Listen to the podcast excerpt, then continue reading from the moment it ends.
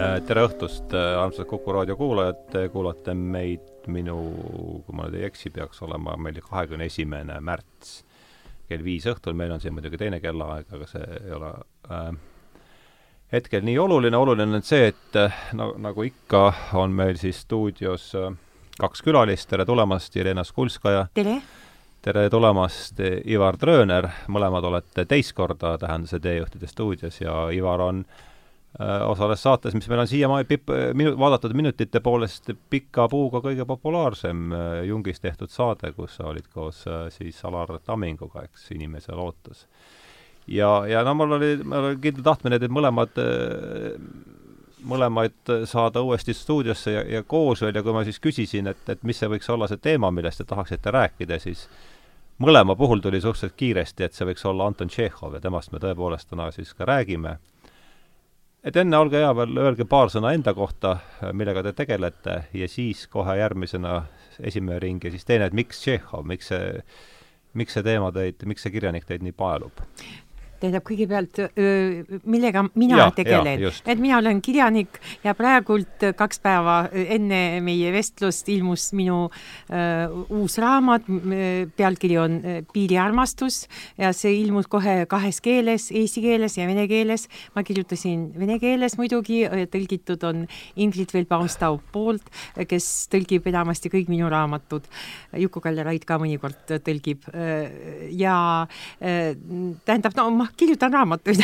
Olen luuletaja, no mõnikord näidendit kirjutan, aga neid on päris vähe, mõned olid lavastatud äh, Vene teatris, mõned ma olen ise lavastanud, aga see ei ole nii tähtis.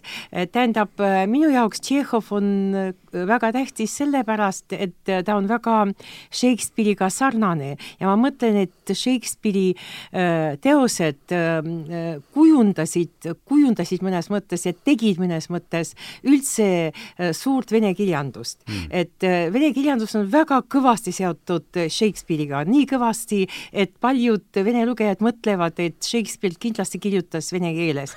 Ja et mõnikord ma kuulan, et, et, tead, äh, vaatasin Shakespeare'i näidendi, no ma ei tea, näiteks ukraina keeles või, või läti keeles või leedu keeles, et see nii imelik, tead, no ikkagi originaalis tahaks vene keeles kuula, kuulata neid luuletusi. tähendab, kui mina Äh, vaatan Londonis äh, äh, Shakespeare'i teatrist teda, siis mul on ka selline tunne, et ma kuulen seda vene keeles mm., kuigi ta kõlab inglise keeles, et need tõlged on väga-väga head.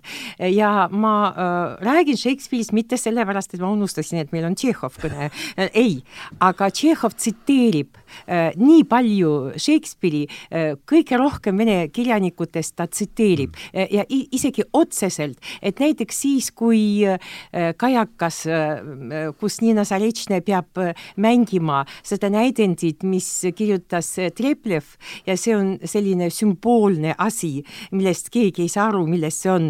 Ja praegu siiamaani keegi ei tea, kas oli see hea näidend või halb, see ei tähenda, aga seal enne algust väga tuntud näitlejanna, kes on tema ema, Treplevi ema, ta tsiteerib Gertrudat Hamletist ja siis Treplev vastab talle nagu tema poeg Hamlet. tähendab äh, arusaadav, et mõlemad teavad peast seda teksti.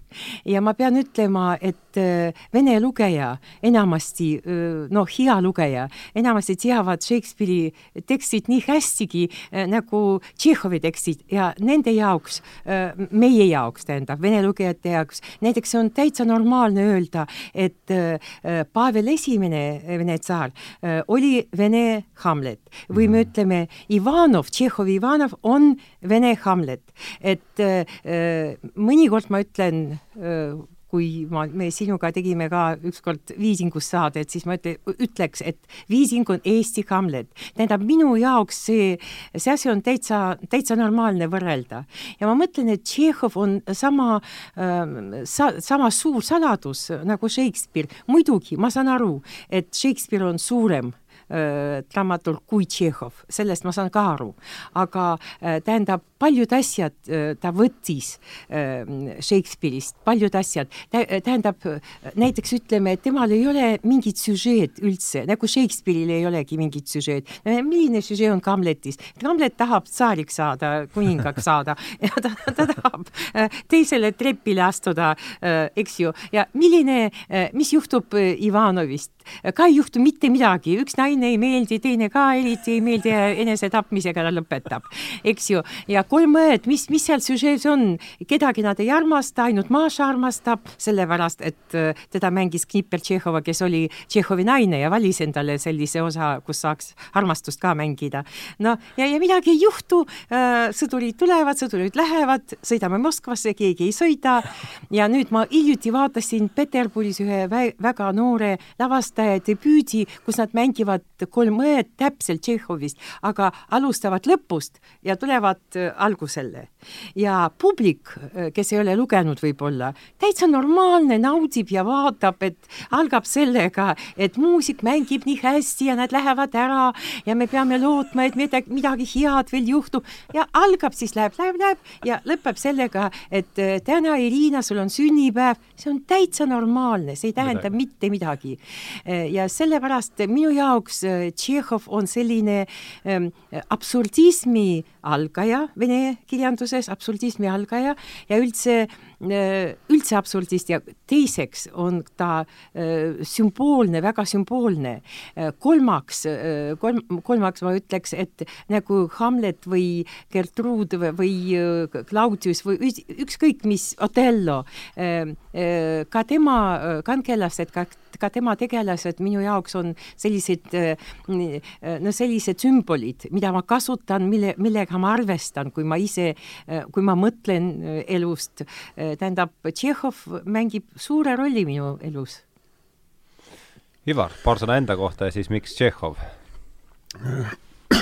igasuguste siltide esiletoomine on alati problemaatiline, aga ma nimetaksin ennast kultuuriloolaseks ja tegelen ka palju raamatute ja tekstidega ja viimane suur töö oli mul peaaegu kolm aastat vältanud töö monograafia Linnart Mällist ja vene kirjandusega olen ma tegelenud alates neljateistkümnendast eluaastast ja ma pean vaieldamatult ütlema, et selles kirjanduses, mida me peetakse ajastuüleseks ja selliseks suuresse aega kuuluvaks, on Tšehhov mulle vaieldamatult üks lemmik. Ja nii palju, kui ma olen lugenud sekundaaruurimusi Tšehhovi kohta, mida ma tänaseks olen teinud kümneid uurinud, mida kirjutavad inglased, sakslased, siis mulle näib, et Tšehhovi psühhologism on, või see, kuidas ta vaatleb inimest, see on niivõrd kaasaegne. peale selle, et ta tõesti on suures kirjanduses üks esimesi sümboliste, aga ta on ka eksistentsialist. ja tema vaade ja selline kuidas ta vaatleb need kolm suurt teemat, et esiteks on ju Tšehhovi loome keskmeks on ju argipäeva vaatlemine. ta teeb seda palju ennem, kui seda teevad lääne sotsioloogid, kes hakkavad uurima, kui palju argi tegelikkus mõjutab inimese psühholoogiat ja käitumist. Tšehhov on seda oma näidendist ära äh, selgelt välja toonud, et kui me vaatame tema näidendite struktuuri, kõik see tegevus toimub niivõrd argitasandil ja samas see kõrge-madal on nii meisterlikult ühendatud ja kui lugeda Tšehhovi enda kirju, mida kahjuks eesti keeles on väga vähe ilmunud, siis see kaheksa köidet Tšehhovi kirju, see on midagi imelist psühhoteraapiat, seal ta on niivõrd avameelne, Tšehhovi tegelased on erakordselt avameelsed selles ajas, mis ei ole, avameelne inimese suhtes ja, ja kui ma mõtlen kas või nende Tšehhovi kirjadele, kus ta kirjutab tõesti, ta käsitleb ju väga palju lääne mõtlejaid ja üks tema selliseid noorpõlve armastusi oli Artur Schopenhauer. Ja kui me näeme, kuivõrd läänelik kirjanik on ta ikkagi vene suures kirjanduse klassikas ja kaanonis, seda ei ole ei Gogol, seda ei ole Dostojevski, kes ju vastandab, vastandab väga selgelt end Nietzscheanlikule isiksuse psühholoogiale, siis Tšehhovi selline mänglev keel, no et ta on võimatult äh, selline ja muidugi, mida ma tahan öelda, Tšehhovi headus. me ei tohi unustada, ta kirjutab kõik need oma tekstid oma põhitöö kõrvalt -hmm. oma arstitöö kõrvalt ja kirjades tuleb välja see intellektuaalne headus, mis on ju vene kirjanduse üks kandev osa ma ei näe seda eesti kirjanduses, et headus või moraalne selline südameheadus, mis Tšehhovi kirjadest välja tuleb, kuidas ta kirjeldab oma arsti argipäeva ja hommikut alustab oma tekstide kirjutamisega. et ta minu meelest on ta sellepärast suur meister, et ta näitab, et ajakirjanduslik tekst võib olla klassika et me unustame ära seda, et see, kui tema kirjutas oma lühijutte, ega tema ei teadnud seda, et ta kirjutab klassikat. Et tema kirjutas täiesti tavalistele suurtele Vene ajakirjandusväljaannetele tal ilmusid ka siis ka niimoodi äh, lehesabanes? jah, et esimene jutt oli tal ju kiri õpetatud äh, naabrile äh, mis eh, on selline koomiline lugu väikeste inimeste psühholoogiast, et minu meelest on ta tõesti Euroopa ja maailma kirjanduse üks parimaid psühholooge. ja ta ei tee seda sellises psühhoanalüütilises võtmes, vaid pigem on tema vaade sotsioloogiline, et nii palju, kui ma olen nüüd uusi uurimusi lugenud Tšehhovi sotsioloogiast või sellisest isiksuse vaatest maailmale, siis seda peetakse sotsioloogiliseks. ja me ei tohi unustada muidugi see, et kuidas Tšehhov käsitleb naisi, kuidas Tšehhov Tšehhov käsitleb lapsi, kuidas ta leiab selle me ei leia vene kirjanduses, kui me mõtleme näidendile kolm õde, kus kesksed tegelased on kolm naisterahvast. et ja me näeme, kui peenelt avab ta naiste psühholoogiat, olenemata hoiakuline, olenemata oma aja normides kinni ja see tema selline humanism või Tšehhovi humanism, sellest on nii palju õppida ka tänasel päeval.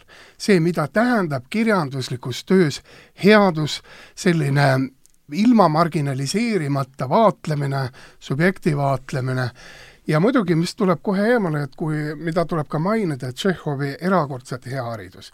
väga paljudel vene kirjanikel ei olnud nii head klassikalist gümnaasiumiharidust. seda me näeme ka seda, kui me loeme Tšehhovi kirju või märkme, märkmeid, et kui palju tal on lugenud lääne klassikat.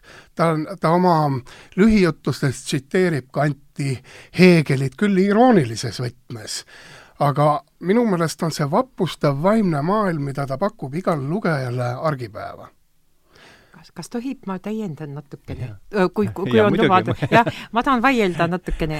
kõigepealt ma tahtsin öelda, et ega Tšehhov ei armastanud kedagi ja ega tema tegelased ei armasta kedagi. kui sa võtsid Kolm õed, eks ju, siis noh, Tusenbach ütleb, et Irina, kahjuks sa ei, sa ei armasta mind, muidu kõik on korras, aga sa ei armasta mind. Maša, kes abiellub, tema ei armasta oma meest. Olga läheb õpetajaks ja otsustab, et ta, ta on nõus abielluda ükskõik kellega, aga ta ei, nad ei tea, mis see tähendab armastada. võib-olla Veršinin, keda noh, pooleks aastaks või mõneks kuuks hakkab armastama Maša, et tema ka ei oska armastada, ta kogu aeg kaebab. mis mees ta on, ta kogu aeg ütleb, et kodus on kaks tütred ja naine ja naine kogu aeg nutab ja kisab ja, ja, ja, ja Maša peab, Mašale ta on lihtsalt laps, kellega ta peab, no Maša ja Taiga, lähen ära, seal seal on teine, mõni teine armuke teises linnas. ja ma peaks ütlema, et kui Tšehhov, nagu te muidugi mõlete, mõlemad teate, et kui ta saabus kuskile võõraste linna, ta käis ainult kahes kohas, Liitside majas ja surnu, surnuaias. seal ta vaatas, noh, vaatas, noh, noh milleks käia, eh, käitakse Liitside majas, te vist teate, aga teoreetiliselt muidugi, aga ja surnuaed on ka see koht, kuhu inimene satub. muidugi, muidugi ta pidi olema eksistentsialist, mikspärast, vähemalt sellepärast, et ta teadis, milline haigus tal on et ta elu on väga, väga lühike ja, äh, ja ta teadis, no näidendi kirjutades ta juba noh, ta juba teadis, et see, see ilmub päris, päris varsti ja ta mõtles sellest kogu aeg, nagu arst ta mõtles veel, veel rohkemgi kui filosoof. aga kui äh, minna tagasi armastuse juurde, siis äh, noh, ta lõppude lõpuks abiellus. Äh, tema naine oli näitlejanna, kes valis endale osi. Ja Punin kirjutab, et kui ükskord Olga Knipel-Tšehhova tuli koju peale proovi, siis ta ütles, oi, ma olen, kullake, ma olen nii nälg, et ma terve päev ei söönud ei hakka sööma mingit äh, kanakest või midagi. Ja siis Punin kirjutab, et Tšehhov vaatas, vaatas ja ütles, kui Annetu äh, näitlejanna sööb äh, kana, siis mul on kahju sellest kanast. Äh, nii, nii et armastusest, äh, armastusest ta teadis väga palju, rääkis sellest väga palju, kirjutas oma äh, äh, alati joobnud äh, vennadele, et ärge jooge nii palju ja käituge korralikult naistega. ise ta ei käinud, käitunud korralikult ja temaga keegi ei käitunud korralikult. näiteks Knipper Tšehhov oli Nimirovitš Tantšenko armuke ja ta ei varjunud seda ja, ja ta ei võinud endale lubada mitte olla, sellepärast siis oleks Andreeva kes oli eh, Kolki arm, noh, armuke, eh, võtaks temal kõik eh, peaosad ära. see on väga keeruline teatrielu mulle näib, et see, ei, armastuse selline sümbolism või küsimus, mulle näib, et seesama küsimus, et sellesse argiproosasse, et et tegelikult see on ajatu küsimus et me võime kogu aeg rääkida armastusest, piibel ka rõhutab seda. aga kas me tegelikult eksistentsiaalselt läbi ela-, seesama Tšehhovi teoste probleem on ju see, mida Stanislavski kunagi väga hästi sõnastas. Tšehhovi teoste tõlgendusskeem põhineb argielu ja unistuste konfliktil ja see on see, mis läbib kõiki näidendeid, seesama, et jah, et see võimetus arm-, armas- ja see, mismoodi Tšehhov võib mõne repliigi, repliigiga hävitada inimese oma loomingus, see jääb ju igale uurijale silma. ja seesama kõrge ja madala väga tihe kombineering, väga tihe läbipõiming tema loomingus ja tekstides, seda loomulikult meil on hea vaadelda teda tõesti tema eluloo detailides, kes vähegi on lugenud ta kirju ja teiste kirjeldusi tema kohta, et Tšehhovi sõnum on, kui raske on tegelikult armastada, sest me oleme ebatäiuslikud inimesed. ja see ebatäius, kes ajab selle sotsiaalse struktuuri süüks, kes ajab selle kasvatuse süüks, mind on eriliselt huvitanud see küsimus, et äh, ma avastasin äh, selle probleemi astme üldse ühe saksa psühhoanalüütiku Alice Milleri, kes on maailmakuulsaid raamatuid kirjutanud just sellest, et milline on lapsepõlve mõju tippkirjanike loomingule, nagu Kafka, Hesse, ja ta on väga põhjalikult uurinud äh, Tšehhovi traumamustrit. Alice, Alice Miller. Alice Miller. ja, ja, ja Tšehhovi sellisest tekstidest tuleb just selline traumamuster esile. et kes on te-, tegelenud vähegi tekstide psühhoanalüütilise algtõlgendusega, teab, et trauma puhul ei väljendata oma vägivalda mitte kunagi otse vaid see mängitakse läbi tsiviliseeritud käitumisvormina. ja Miller pani tähele seda, et esiteks me teame, kui problemaatiline oli Tšehhovi ja tema isa suhe. elu lõpu näidendis Kirsi aed, teil tuleb ju meelde, kus Lopahhin räägib oma mälestusest sellest, kuidas ta saab vastu nägu. see on Tšehhovi enda mälukild mida ta tegelikult kunagi ei ava oma, oma selle, ei oma kirjades, ei oma väiksemahulises päevikus, aga see on selge, et Miller ju väga selgelt küsis, et et teda on eriliselt huvi, miks Tšehhov jäi oma vanemaid hoolitsema, armastama, kuigi nende suhtes ei olnud ju mingisugust armastust. me näeme Tšehhovi lühijuttudes, kui traagilised on lastelood. lastelood Tšehhovi lühijuttudes tuletagem meelde Vana Maja, tuletagem meelde Tšehhovi reisikirju, need on õõvastavad lood sellest, kuidas ligimese armastus ei jõua teiseni. Ja ometi Tšehhovi selline mänglev stiil, et kui me mõtleme sellele, et mis on ka Tšehhovi loomingu üks keskne märksõna, see on kaotusvalu. Kirsiaias me näeme väga selgelt, et kõik inimesed kaotavad, me kaotame suhteid, kolmes ões me näeme seda, kuidas üks kolme õe selline tuumik, kuidas see suhe hakkab lagunema, kuidas hakkab lagunema psühholoogiline lähedus. ja Tšehhovi vaade sellele on eelkõige analüüsida kaotusvalu ja mi-, minu meelest see teebki selle kirjanduse võluvaks, et, et oma kirjades ju väga ausalt analüüsib seda oma üksindust, näiteks meeste üksinduse teema, mis on siiamaani väga suletud teema kirjanduses ja, ja samas me näeme, kuidas ta selle üksindusega toime ei tule, ta kirjutab oma kümnetes kirjades, tulge mulle ometi külla ja samas ta nii ei taha kedagi näha ja tahab oma tekste edasi kirjutada. et selles mõttes ta on niivõrd peene vaatleja ja selles mõttes ta pakub lugejale suurepärase peegli töötada endaga, isegi siis, kui sa ei ole täiuslik. ja Tšehhov kirjanikuna teab, ta ei ole täiuslik armastaja, ta ei ole ka täiuslik arst, sest kui me vaatame Ivanovist, kuidas ta käsitleb juhtumit, kuidas peategelase naine on vähki suremas, see suhe on lagunemas. mida Tšehhov selle kujundiga näitab, see on niivõrd argipäeva läbipõimumine meis kõigis. Tšehhov ei idealiseeri inimest, see on selge, tema loomingus ei looda suuri eetilisi karaktereid ja see ei ole tema eesmärk. aga mind on alati paelunud tema selline ausus, olenemata sellest, et ta on ebatäiuslik. ka mina lugejana olen ebatäiuslik, kui ma loen tema näidendeid näiteks. ja ometi ma olen alati mõelnud, et mis oleks siis juhtunud, kui Tšehhov oleks kakskümmend aastat edasi elanud, näinud neid Nõukogude võimu jubedusi, millised tekstid oleks siis tulnud? Ega mingid tekstid ei olekski tulnud, oleks ta tapetud väga ruttu äh, esimesena võib-olla. väga tõenäoline. aga mida me teame üldse tema elust, et ega ilmselt ei tee paha, kui me olulisemad teetähised äh, käime üle, nii palju, kui me siin suudame neid meenutada? no me teame ikka väga palju, ta kirjutas nii palju kirju ja äh, tema suhet äh, vanematega, õega, kellele ta ei lubanud abielluda, tal kogu aeg, ta kogu aeg kavatses kavatses abielluda ja õde siis? õde, õde, Tšehhovi õde, aga ta tahtis, et tal oli, oleks mingi, mingi sugulane, kes tegeleb tema asjadega ja mm -hmm. ta mhm. kogu aeg keelas, kogu aeg keelas ja, ja, ja Anton tahtis siis, et ja õde, Anton õde... tahtis, et õde kogu aeg tegeleb tema asjadega. õde ja, oli ju muuseumi jah, jah, kaua aega pidas seda muuseumi ja üldse oli kõrval ja paljud Tšehhovi sõbrad, kes olid sama nagu temagi, armastasid noh, viina võtma ja jooma ja nagu tema vennad olid joodikud lihtsalt kõik mm. ja no Tšehhov ka ei olnud selline,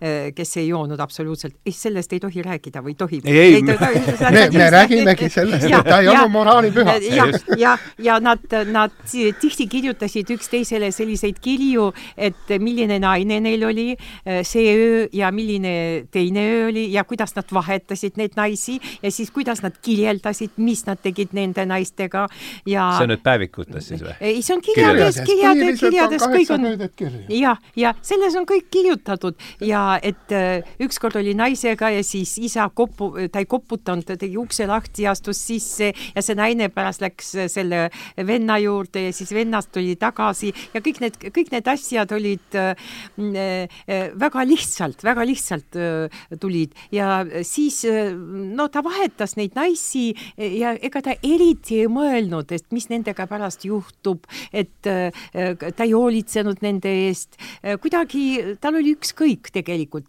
me peame veel ütlema, ma tahaks öelda, et siis, kui ta tema teostes, äh, teoses, arstid on alati väga head väga head mm, -hmm. aga kunstnikud on vä alati väga halvad. mikspärast? sellepärast, et kirjandus ja, ja maalimine ja kõik see muusika, helilooja tegemine oli tema jaoks lihtsalt äh, selle inimese töö, kes üldse tööd ei tee, et lihtsalt laisk inimene äh, lamab diivanil, tõuseb püsti, vaatab äh,, kui ilus ilm on, midagi maalib, jah vaata palun, saab raha ja nagu Levitan, kes tundis end ära ja ei teretanud temaga pärast äh, ühe, ähm, ühe novelli äh,, kes tahtis abielluda ka tema äh, õega ja siis aga, aga Levitan õp... tahtis ta õega abielluda? ja, ja aga Tšehhov ei lubanud ja kirjutas temast sellise novelli, peale seda Levitan ei tahtnud teretada isegi. mis novellist Levitan, seda ma lugesin just. jah, tead, ma ütlen ainult vene keeles, ma ei tea, kuidas see on tõlgitud,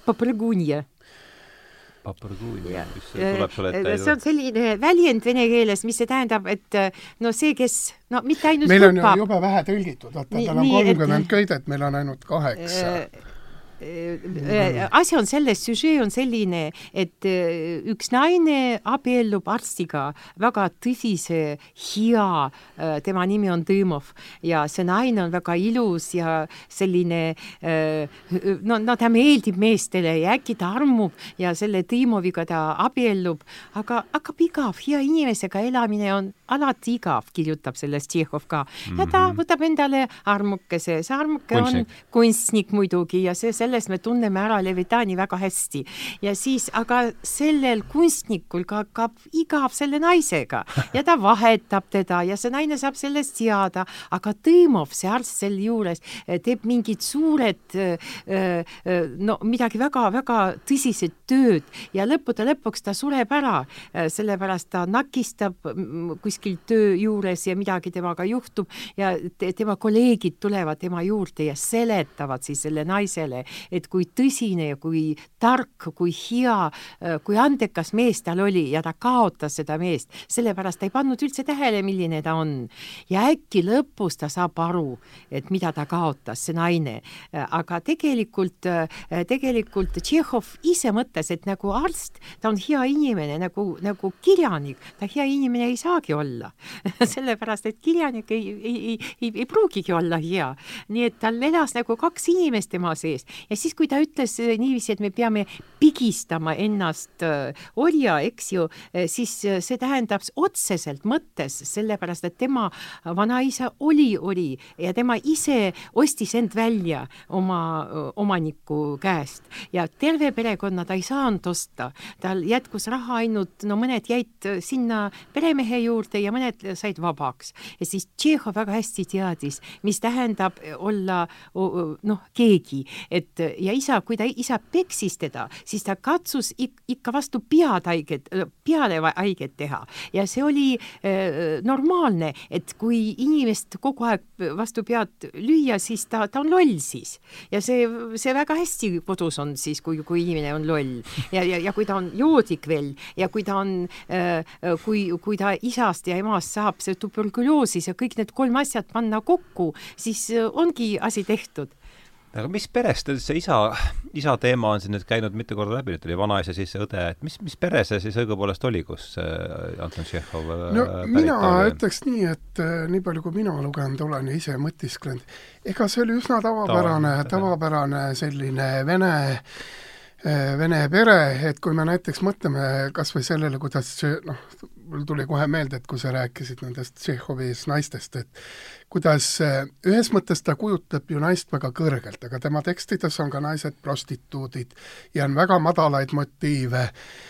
Eh, ja minu meelest on nagu vähe uuritud, ma olen ise allikaid vaadanud Inglise ja Saksa uurijatelt, et, et eh, kui palju on tegelikult uuritud seda, et kuidas käsitleb Tšehhov seksuaalsust kuidas ta tegelikult käsitleb ja kirjandus tegeleb ka alati moraliseerimisega, Tšehhovi moraliseerimine Nõukogude ajal toimus ja, ja et ei vaadelda tema motiivi õieti. aga selle perekonna dünaamika osas ongi tõesti küsimus selles, et kas see on väga eriline suhe, mida Tšehhov kirjeldab, tegelikult ei ole. väga paljud vene lugejad tunnevad ära sellise ahretüüpse loo, iga lugu on muidugi erinev, aga mulle näib, et just seesama tema teatud ka näiteks usulised motiivid tema loomingus, et et kui ta seal Tolstoiga kohtub ja Tolstoi puhul noh, seesama küsimus religioonist, et siis teatavasti no Tšehhov ju tegelikult ei uskunud, et religioon teeb inimese paremaks. ja see ei tuleb uskunud. tema, ei uskunud. mitte, ta väga palju kirjades väidab ja me näeme seda, kuidas ta tegelikult usub, et inimloomust võib parandada teadus ta on ju ise teadlane, arstiteadlane, ta on korraliku õppe läbinud, ta ei ja. ole mingi esoteerik kuskilt külanurgast. ja me näeme seda, seesama kuulus kiri, mida ta kirjutab Tolstoile, kus nad arutavad surematuse üle mm. -hmm. ja seesama, kas või seesama, et see õnn ei tule religioonist või kui ta käsitleb õnne teemat või et minu meelest see Tšehhovi selline kaootiline perekonnakogemus näitabki selles, et sellistes kriitilistes perekondades elavad lapsed väga palju erinevaid tundeid seisundeid läbi, mida väga mugavas, heas olukorras äh, sotsiaalselt hästi toimivates perekondades laste tundeamplituut on üsna ühene. ja Tšehhov kogeb läbi tohutut ängi, viha, nendes tekstides on näha pettumustunnet, kaotustunnet ja tema esimene näidend, Platonov, on ju tegelikult isa, isale me ei tohi seda unustada, see isa kuju on tema loomes nii tugevalt sees ja need selle esimese näidendi motiivid on ju kõikides tema hilisemates näidendites. ja selles mõttes jah, minule Tšehhov meeldib, et on see eesti keeles olemas või? jaa jaa.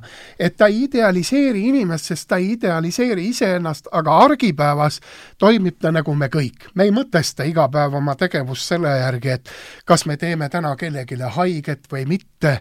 et see teatud tema kergus inimsuhetest üle libiseda või teatud selline noh, kui me vaatame ka näidendites, kui lihtsalt Tšehhov käsitleb tegelikult enesetappu.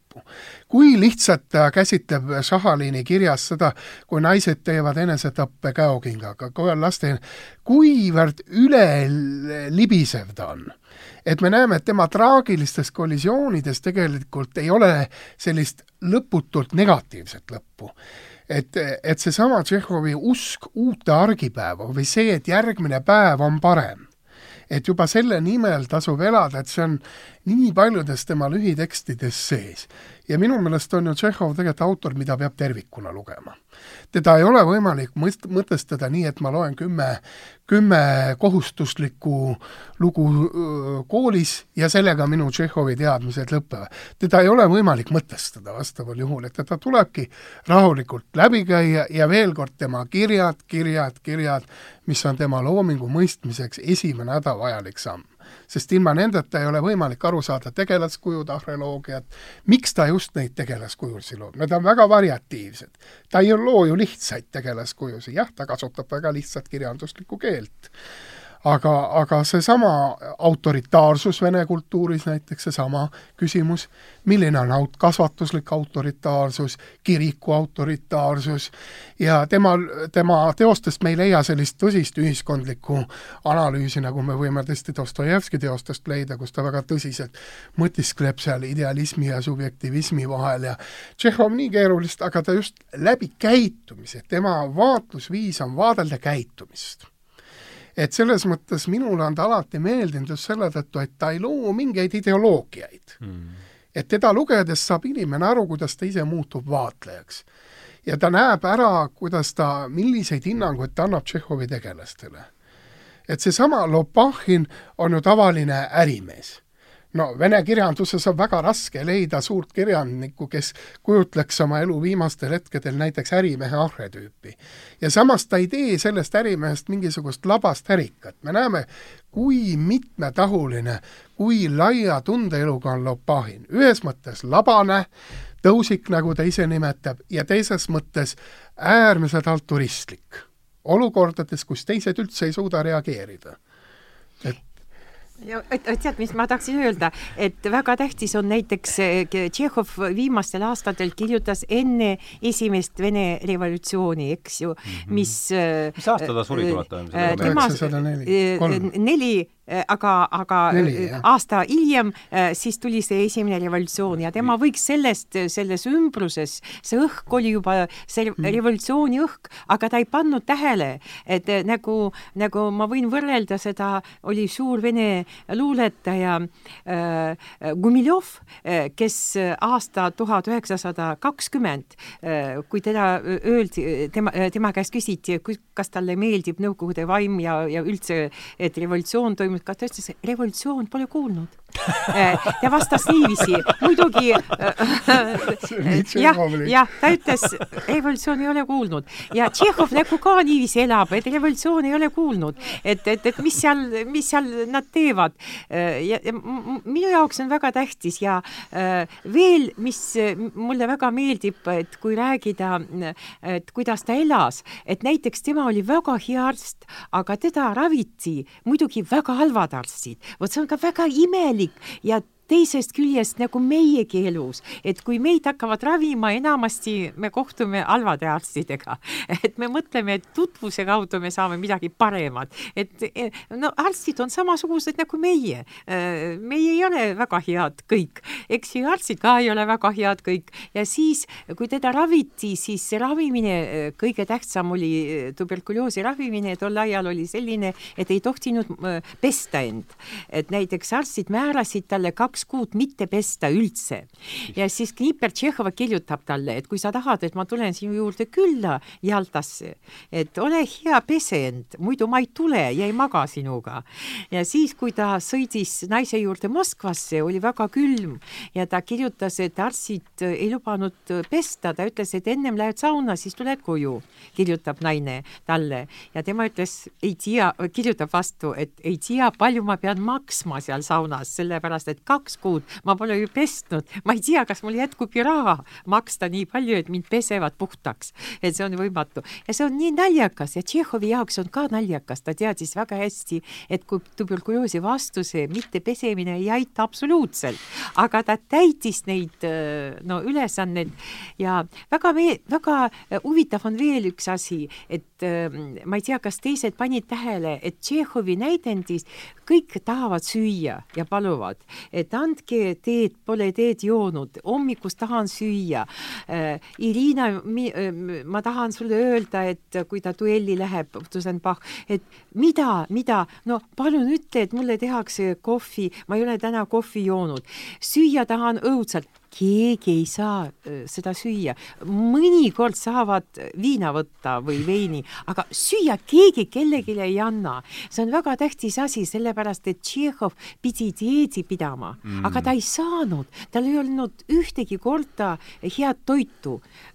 mõnikord ta käis restoranides, aga kui ta oli kodus, keegi ei teinud talle head söögi ja see haigus veel noh, nii ruttu läks tal, sellepärast et mingi mingit ravimit ei olnud ja mingit, äh, keegi ei hoolitsenud tema eest ja tema mm, õde ei olnud ka see, kes hoolitses just tema tervise eest. tal palju tähtsam olid tema teosed ja, ja kõik need rahad, mis ta sai mm, iga sõna eest või iga lause mm. eest jah, et äh, selle arstide osas tuleb mul kohe tema kuulus tsitaat meelde et tohtrid on samasugused nagu advokaadid mm., paljad selle vahega, et advokaadid ainult röövivad, tohtrid röövivad ja tapavad ühtlasi. et äh, jah. mis teoses see on, see on see on tema Ivanovist näidendis esimeses osas. et äh, mind on ka alati hämmastanud see, et äh, kui palju tegelikult Tšehhov oma loomingus äh, kirjeldab argimugavuste puudumist ja see on nii lapsepõlves, kus ta näiteks kirjeldab külmas, et kuidas ta on külmas, kõht on tühi, et me ja. nagu libiseme üle nendest detailidest ja seesama hoolitsuse puudus. ja kui, ja, ja kui me mõtleme tema näidendites, siis üks keskne motiiv on tal ju see igatsetud kodusoojus, mida tal ju tegelikult ei ole terve elu terve no, elu ei olnud, jah ja.. et need kodusoojuse motiivid või see, et kui me näeme noh, seesama Kolme sões ju, mis on ju tegelikult üks see kodu kohta, mis on algul kokkuhoidev ja me näeme selle suhte lagunemist. ja seesama kõige, et me unustame ära, et see aeg, kus Tšehhov elas, kõik argised mugavused, mis meil on nii igapäevased, olid sellel ajal, nõudsid erilist luksust, et me näeme, noh, tema kirjades, kuidas ta sendi pealt või kopika pealt arvestab seal, kellel ta midagi saadab, kas ta saab lubada seda ja seda ja ja et see tundub meile natuke noh, teatud niisugune tammsaarelik motiiv, et Tammsaare ka ja. ju sellist koonerluse psühholoogiat, aga see tuleb ju väga selgelt enda kogemusest. ja see ongi see aeg ja ühes mõttes noh, kirjanik ei ole ju Venemaal kunagi rikas olnud, vähemalt siis, kui ta elab, klassik. ja, ja seesama äh, Tšehhovi, et me tänu sellele, et ta niivõrd ausalt seda argipäeva vaatab ja seesama argipäeva ja samas ei tohi ära unustada, et ta suudab neid änge ja selliseid ebaõnnestumisi vaadata tohutult koomilises võtmes väga koomilised ja ma sellest ja. kirjast, mis sa äh, algusel ütlesid tal äh,, ühel päeval ta kirjutab, kui te ei tule äh, külla, siis me, me oleme lihtsalt vaenlased järgmises kirjas teisele inimesele kirjutab, kui keegi tuleb külla, siis ma lõpetan elu enesetapmisega, ma ei taha kedagi näha. aga selles, äh, mida ta, tal unistus, kõige suurem unistus tal oli, et suvel, äh, kui ta äh, no kuskil mere ääres või jõe ääres elas, tal oli unistus unistus, et WC on kodus mm., mitte kuskil õues, kust, kuhu ta peab jooksma siis ja, ja noh, ebamugavus on selline. Ja temal oli kõht haige ja kõik, no kõik teised haigused, mis äh, olid. Ja tal oli unistus, et WC oleks ükskõik milline, aga kodus, ta ei pea hoovi minema. Ja see unistus, suure kirjaniku klassiku unistus on äh,, ta kirjutab sellest kirjades. Ja see on väga, väga tähtis, näitab teda, milline ta oli, ta, et keha oli tema jaoks väga tähtis asi. Äh, mitte nii, et ta elas ainult peaga, ei, äh, ta keha oli haige ja selle tõttu ta äh, noh, tõmbas endale tähe, tähelepanu kogu aeg aga milline naise ideaal, ma tulin selle peale, tal oli ta ühe, üks novell on, kus naine äh, võtab äh,, no vene keeles on dušitška, ma ei tea, mhm. kas on see eesti keeles tõlgitud äh,. äh Tolstoi ütles, et see on ideaalne naine äh, selle novelli kohta. see naine, kellega ta abiellub äh,, selle mehe töö ta üt-, sellest mehe tööst ta räägibki tõsiselt ja see on kõige tähtsam elus töö. et äh, kui ükskõik, kes tema mees on, see on kõige tähtsam maailmas töö ja, ja tema mees on kõige parem maailmas ja seda, mis nõuab tema mees, see on kõige tähtsam ja seda peabki täitma.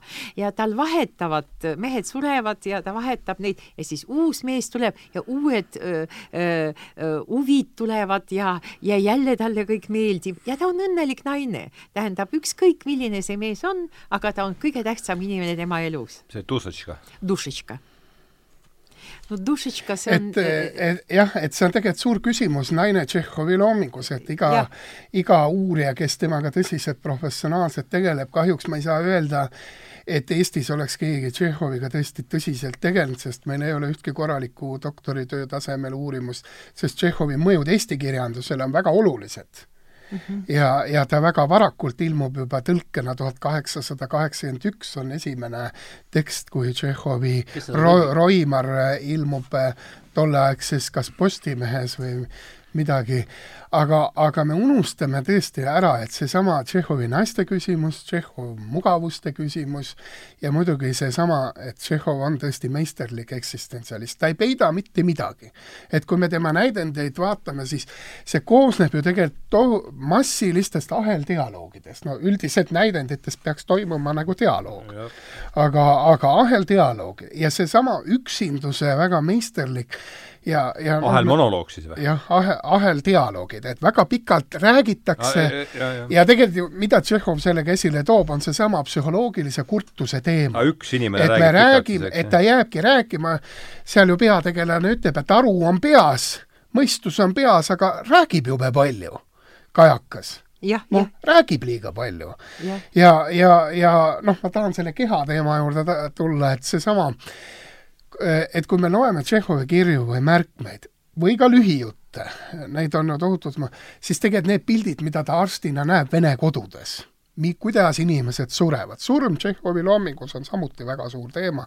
iga eksistentsialist saab ju sellest aru, et ilma surmata ei ole mõtet eksistentsist rääkida ja see, kuidas Tšehhov, et ta nagu ei idealiseeri ka surma, et kui me mõtleme Tolstoid, kes oli tema sõber, et kuidas Tolstoi loomingus on tegelikult ju surm idealiseeritud.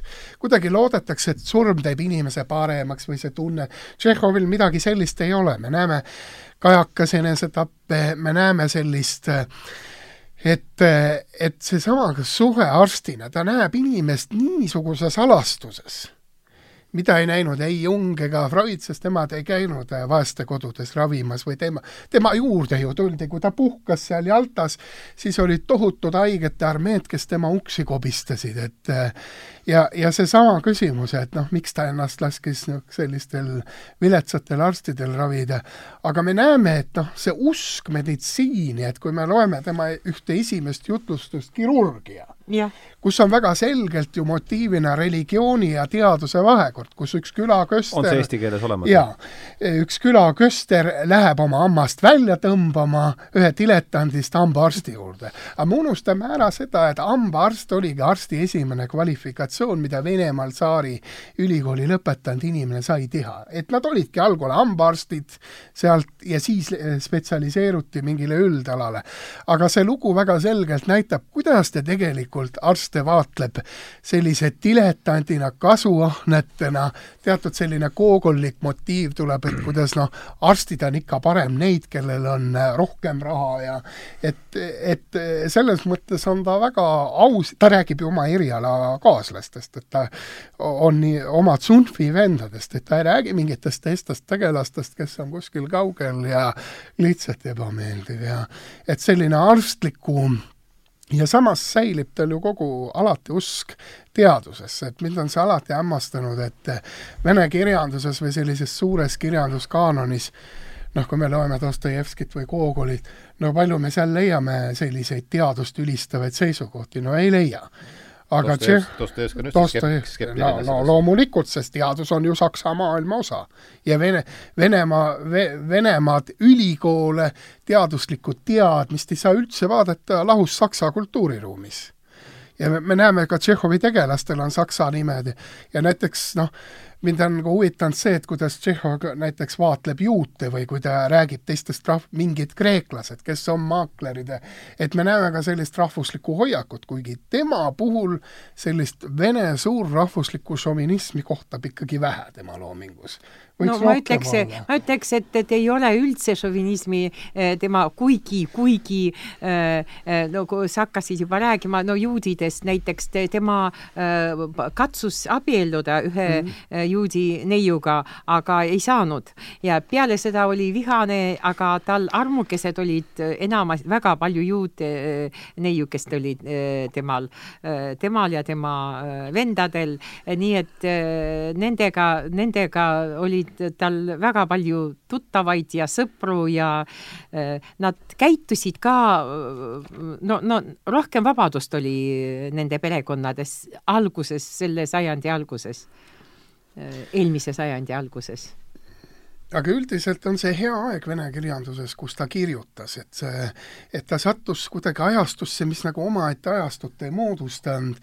Ja, ja kui me mõtleme, kui klambrites oli see looming juba paarkümmend aastat edasi, et, et selles mõttes ta sattus väga heale ajale. sa mõtled klambrites siis äh, ideoloogia klambri, just, et kui me mõtleme varast näiteks seda Nõukogude kirjandust Bulgakovit ja et ja noh, mind on ikkagi hämmastanud, et, et tema need lühijutud on nii hästi ajas vastu pidanud, et nad selles suures ajas elavad edasi ja kui te loete, et siis neid, neid koomilisi narrati-, koomika on ju kõige raskem äh, kirjandussaanud üldse. et alati noh, et selles kaovad mõttes... asjad, millest mil,, millised olid koomilised me, ja. selle põlvkonna jaoks. Ja siis enam ei naera, aga just Tšehhovil on need, vot näiteks et... Äh, kõige koomilisem asi on minu jaoks, ma ei tea jällegi, kas on tõlgitud või ei, vene keeles see on see tähendab, äh, äh, kas on tõlgitud? ma arvan, ma ei, ma ei tea, kas on, tead sa või? Peaks olema küll. et tähendab, süžee on selline, et vaatamata sellele, et ta tundis end halvasti, et tal midagi valutas, kõht valutas, jalad valutas, ta pidi panka minema tööle ja läkski see tegelane. ja äkki uks avaneb ja tuleb üks naine, kes paksudes riidedes äh, äh, naine ja ta äh, selja tagant ta oli nagu putuka moodi, suure putuka moodi ja ta tuleb tema juurde ja, ja ütleb, et, et teate, ma väga, kas te olete siin ülemus? olen küll mm. -hmm. teate, asi on selles, et minu mees oli haige ja talle, temalt võeti kakskümmend viis rubla palkast ära kuigi ta esitas kõik tõendid, et ta oli haige, et olge olge nii hea, et öelge, et talle maksavad need kakskümmend viis rubli. ja siis ta, see mees ütleb, et kus ta töötas, kuskil osaku absoluutselt teises kohas. ta ütles, aga see on minu pank, ma ei tea, ta ei töötanud ju minu juures. et minge seal, kus ta, teate, käisin nende juures, nemad ei taha midagi mulle anda. et ma väga palun, te olete suur ülemus, et palun äh, andke need kakskümmend viis, andke käsku, et need kakskümmend viis rubla mulle annavad tagasi. ja see kestab kolm tundi, et see mees seletab läheb punaseks, roheliseks, siniseks, kutsub asetäitja, ütleb, et üks kor-, lähen korraks välja, äh, läheb kuskil WC-s peitub, tuleb tagasi poole tunni pärast, ta ikka, see naine istub ja lõppude lõpuks see mees enam ei saa kannatada ja annab talle kakskümmend viis rubli, rubla ära oma taskust. ja viimane lause on geniaalne, tuli temaga teistel päevadel et see naine tuli, et sai aru, et siin ta saab ja see on nii naljakasti kirjutatud, et, et tema seletab, noh jah, aga ta tõesti oli haige, see on ju absurdistlik äh, näidend lihtsalt. absurd, absurde teema käis läbi siit täna. jah, ja, ja, ja see on ühes-koos naljakas, teisel koos absurdistlik ja kolmandas ma, me saame aru, me kohtume kogu aeg nende inimestega, et sa seletad talle ja, ja tema ei saa sinust aru. ja, või ja, ei taha saada. kui ei taha, kui ei taha muidugi ja, ja sa seletad ja ei saa aru ja sa, sa ei tea, mida sa pead tegema. sul ei ole mingit võimalust midagi teha. jah, et noh, tema noh, loomes ongi see motiiv, psühholoogilise kurtuse teema et noh, tema on seesama lühijutt ja et seesama, et sa võid lõputult rääkida inimesed võivad lõputult koos ühes ruumis olla, nad võivad isegi ühes voodis magada, psühholoogi, aga nad on niivõrd kauged või psühholoogiliselt äh, sama tuimad nagu kasekännud metsas aga, aga, aga noh, või seesama, et kuidas ta näiteks vaatleb inimest, et minu jaoks on see meisterlik teos, see inimene Vutleris, kuidas ta seda Belikovi vaatleb. et me näeme seal nii, nii mitmetasandilist vaadet, et ühes mõttes see inimene, kes tahab teisega seltsi, ta mm -hmm. kontrollib teist, ta on paranoiline ja, ja seesama, kui ta sealt trepist alla kukub ja surma saab, see, see nagu ei ole üldse traagiline, et see tundubki nii, et sellised inimesed peavadki terve elu trepist alla kukkuma, et me saaksime aru, et need inimesed üldse olemas on. ja, ja Tšehhov oskab luua niivõrd väikeseid tühiseid inimhingi ja samas anda neile sellised koomilised karakterid, et et see tühisus, kes sulle argielus silma ei jää, tema tekstis jääb ja, ja kui me mõtleme kas või noh, see, et noh, kui lihtsalt on noh, seesama Puunini mälestusraamat Lõpetamata sümfoonium, kus ta noh, niivõrd elegantselt, teine suur vene kirjanduse suurkuju nobelist, et mulle on alati meeldinud see, et kui delikaatselt ta tegelikult Tšehhovit, ta teadis, kui vääralt võis Tšehhov käituda, kui eh, kuidas Tšehhov elas oma unistustes ja kuidas ta argipäevaga tegelikult ta ju jälestas argipäeva, et kui me loeme ta kirju, argipäev on koorem. argipäev on see, kus unistused ei täitu, kus seesama Konstantin Stanislavski Vene teatri suurkuju, ta sai ju sellest kohe aru, kui ta hakkas Tšehhovi näidendeid lavastama ja, ja, ja kui sa oled selle kultuuri, selles mõttes mul on kahju, et ma venelane ei ole, et mul jäävad väga paljud äh, keelest ja kultuurist, mida, et see tekst ei ela mitte ainult tekstiliselt, vaid ta elab ka kultuurirituaalide sees ja, ja, ja kui sa vaatad neid pisidetaile, kui räägitakse, kui Tšehhov räägib näiteks leinast või isa surmast, siis sellel on hoopis teine tähendus kui Eestis, kui me loeme eestikeelsena seda teksti. et, et tal on väga tihe kujundite süsteem ja sealt ka see sümbolism, et ta kasutab äh, peaaegu kõige lihtsamates näidetes väga tihedat allteksti.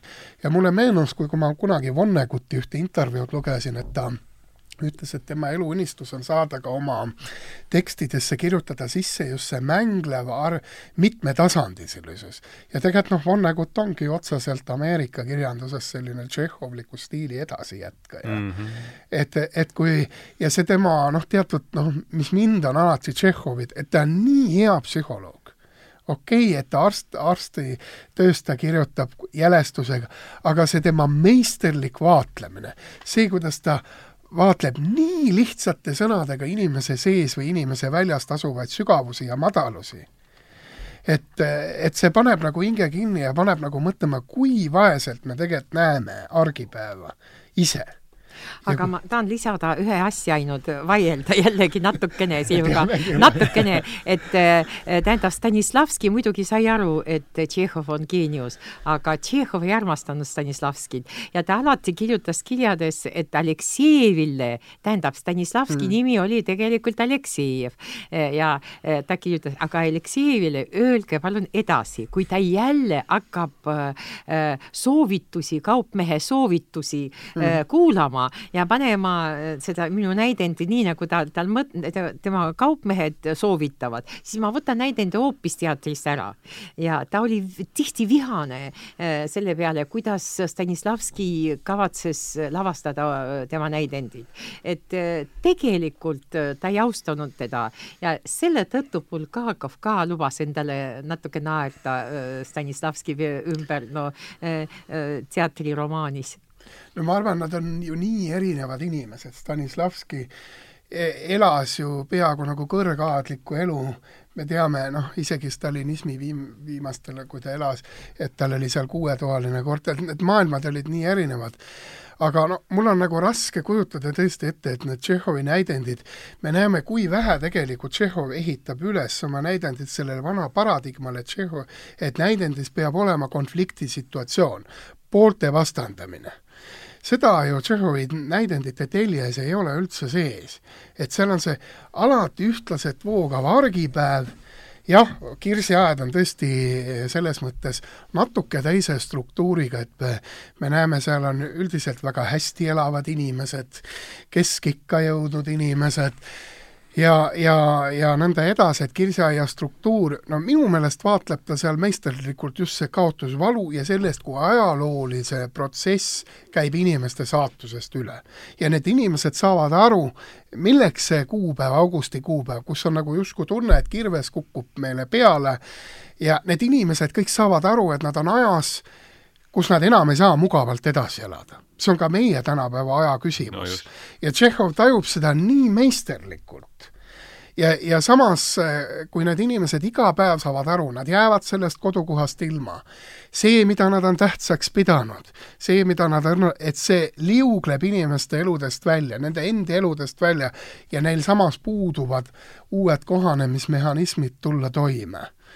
Ja, ja, ja selles võib-olla, et see Tšehhovi humanism seisnebki, et ta näitab, et ka kaotusvalus on võimalik edasi liikuda, et et see uus argipäeva mõõde, et ta ei räägi seal, et elu läheb siis lihtsamaks, kui te kõik hakkate Jumalat uskuma et seesama tema Jumalaga suhe, see on midagi nii erakordset äh, vene kirjanduses, jah, tal on väga palju kristlikku sümboolikat, et ta kirjeldab näiteks seal palvetamist äh, ikoonide ees, aga see on niisugune dekoratsioon, see ei oma nagu mingisugust sellist äh, eksistentsiaalset tähendust, et kui me Dostojevskit loeme, siis me näeme, kui tähtsad on kristlikud sümbolid. ilma selleta ei ole võimalik üldse mõtestada, kui me ei tunne näiteks Uue Testamendi allegooriaid, Uue Testamendi kujundi ja keelesüsteemi, meil on Dostojevskist võimatu aru saada.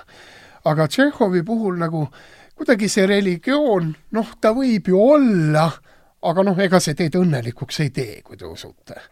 et äh, ja samas see tema humanism, ta ei lammuta ära, kui ka keegi tema teostes on religioosne või kas või sama see kirurg, äh, jutus kirurgia, kus äh, vene külapreester läheb oma hammast välja tõmbama ja noh, saab seal palju häda ja viletsust ja. tundma, ta ei võta selle inimese usku ära jah, ma tahtsin täiendada täpselt sama, ma olen nüüd sinuga absoluutselt nõus, et ühes kirjas ta kirjutabki niiviisi, mis sa räägid mulle kogu aeg Jumalast. kui sa räägid sellest, et ära tapa, ega ma kedagi ei ole tapnud, kui sa ütled ära varasta, ma ei ole varastanud, kui sa ütled, et äh, ära taha öö, äh, oma öö, äh, teise inimese naise või, või tema koera või tema lambad või te, ma ei tahagi neid, mis jaoks, mis jaoks sa räägid minuga Jumalast, ma tean sama palju nagu sina. Mm. -hmm tähendab, see, see ei tee meie elu teiseks, see ei muuta meie elu. Jah, ja, ja, ja, ja noh, ja, ja küsimus ongi, et mida, mida ta pakub äh, välja, et kui noh, suured kirjanikud pakuvad ka alati oma teostes välja sellise nii-öelda lunastusnarratiivi, nagu mõned uurijad ütlevad, siis Tšehhovi jaoks ongi see inimene tegelikult, inimene argipäevas, see, et inimene on võimeline iga päevaga olema pisut parem, kui ta oli eile, oma ebatäiuses, oma, oma rohmakas, oma sellises unistuste ja argielu konfliktides, oma neuroosides ja, ja, ja no minu meelest noh, ongi see, et tema psühholoogia nõuab nagu rohkem tööd. et ta ei paku väga lihtsaid äh, plaane, selliseid seletusplaane inimesele või et võta nüüd see ideoloogia omaks ja siis sa elad õnnelikult. et me näeme, et Tšehhovi loomingus on tegelikult elu ikkagi raske aga elu on üle, ütlemata väärtuslik, sest ta pakub inimesele võimaluse elada elada ja, ja teha tööd. Ja tead, halvad inimesed ja head inimesed, kõik talle ütlevad, peab tööd tegema. halvad ja head. kõik ütlevad, peab tööd tegema. Ja see kuidagi see töö, noh, seesama töö teatud vägivaldsus tema loomingu, et ilma tööta ei ole inimest või ei kujune inimest, et et eh, kuna ta ise lapsena pidi palju tööd tegema, õppima oma poodnikust isa poodi pidama ja samaaegselt ja. tegema gümnaasiumi ülesandeid, ta lõpetas ju klassikalise gümnaasiumi mm. -hmm. see tähendas klassikalisi keeli, me teame, kui rasked need keeled on lastele õppida. ja talle eriti, ta ei saanud no, saksa no, keelega hakkama no., ta ei saanud ladina keelega hakkama. saksa keelt ju kasutab oma loomingus, ta sihilikult kirjutab tihti valesti, et ta näitab väga selgelt seda ja, oma ja. vastikust sellise noh, noh, sellesama pähe, noh, see kool, vene kool oli ka sellel ajal selline tuupimiskeskne. ja seal ei olnud mingeid selliseid komeeniusaegseid valgustusideesi, et et ladina keel on hingevalgustus, vaid seda õpiti mehaaniliselt suures mahus, kõik Ovidiuse tekstid ja dialoogid õpiti lehekülgede kaupa pähe ja vaata, kui, kui sa oled nii tundlik, nagu on Tšehhov ja sa pead sellise jamaga tegelema, vana-kreekakeelseid tekste pähe õppima. Ovidius on juba jama sul ei, ma räägin, et sa pead pähe õppima, mitte mõtestama või ja, saama ja. seda naudingut, mida ju klassikalised tekstid ju pakuvad. et noh, mehaaniliselt õpiti pähe. ja kui sa pead seda poelaua taga tegema, ja äh, üks külaline tuleb, teine läheb ja, ja noh, see argiproosa on ja. nii, noh, see Tšehhovi loomingu keskes, see argiproosa on nii koomiline, absurdne, äh, vägivaldne, üheaegselt see, see on nagu selline galerii, mis nagu jookseb kogu aeg ja sa näed neid igapäeva väikseid argisündmusi, mida sa muidu tähele ei pane. et nad võivad nii absurdsed olla, kui sa hakkad selle üle mõtlema. või see näiteks, kuidas noh, ma olen alati mõelnud seda, et näiteks kui Tšehhov kasutab oma loomingus see, et ta väga vaatleb seda, kuidas inimesed ennast esitlevad. näidendites ka me näeme, et kuidas nad ennast teist, et nendel on tohutu mure selle üle, mis mulje nad teistele jätavad, kes räägib oma lühikesest habemest, kes, et seesama eneseesitlus argipäevas ja Tšehhov ju meisterlikult paneb inimesed sellesse rolli, kus nad tegelikult on, aga nad ei räägi sellest ja, ja see... kui see Natasha tuleb kolme õe juurde ja tal vöö on roheline ja. ja talle teevad noomituse, ma ei tea veel, kes, kellel on õigus, kas Natashal või nendel, kes teevad noomituse, et miks sa panid selle kleidi juurde rohelise vöö. Äh, ja pärast Natasha valitseb äh, ja vi vihkab neid ja valitseb selles majas. et me näeme, kui väike argipäeva detail võib mõjutada ja. seda, et sa oled võõras, see võõratunne, seal kohe tuleb, et midagi võõre. võõrast on meil sees. me ei saa temast lahti me ei saa temast lahti, me ei oska sellega kohaneda ja lõpuks me allume, nagu selles äh, kolmes ões on jah, lõppude ja... lõpuks Natasha valitseb, kes on võõras, keda me vihkame, kes ei ole meie, meie ruumist inimene. see, selle venna, venna naine see, see Andrei, Andrei naine, jah, jah. Ja noh, see võõra psühholoogia loome, noh, sa lühijuttudes samamoodi ja, ja, ja seesama, et kui võõras on tegelikult teine inimene teisele inimesele. Jah, see võ-, oi, vabandust yeah,, ma ei seganud, võõras, tal on üks väike novell, eh, kus eh, üks ilus noor tüdruk äh, armastab tudengit. Äh,. tudeng ei, iialgi ei abiellu temaga, aga teda armastab üks müüja, poes müüja ja ta tuleb selle müüja juurde iga päev, sellepärast et ta on, see tüdruk on õmbleja. Ja see äh,, see poiss, kes teda armastab, ta ta töötab seal poes, kus müüakse neid äh, igasuguseid nööbi ja, ja kõik need asjad, mis ta vajab. ja siis ta nimetab need, kõik need nööbid, nimetab kõik need asjad, mis tal lähevad kasuks ja, ja ütleb, see maksab nii palju, see maksab nii palju. kas tudeng ikka täna õhtul tuleb? noh, ta ei abiellu teiega iialgi. vot see maksab viis kopikat, see maksab kaheksa kopikat, vaadake veel seda nii, et, et, et mina abiellun, tema ei abiellu, tema ei armastab teid, tema lõpetab äh, koolituse ja sõidab ära.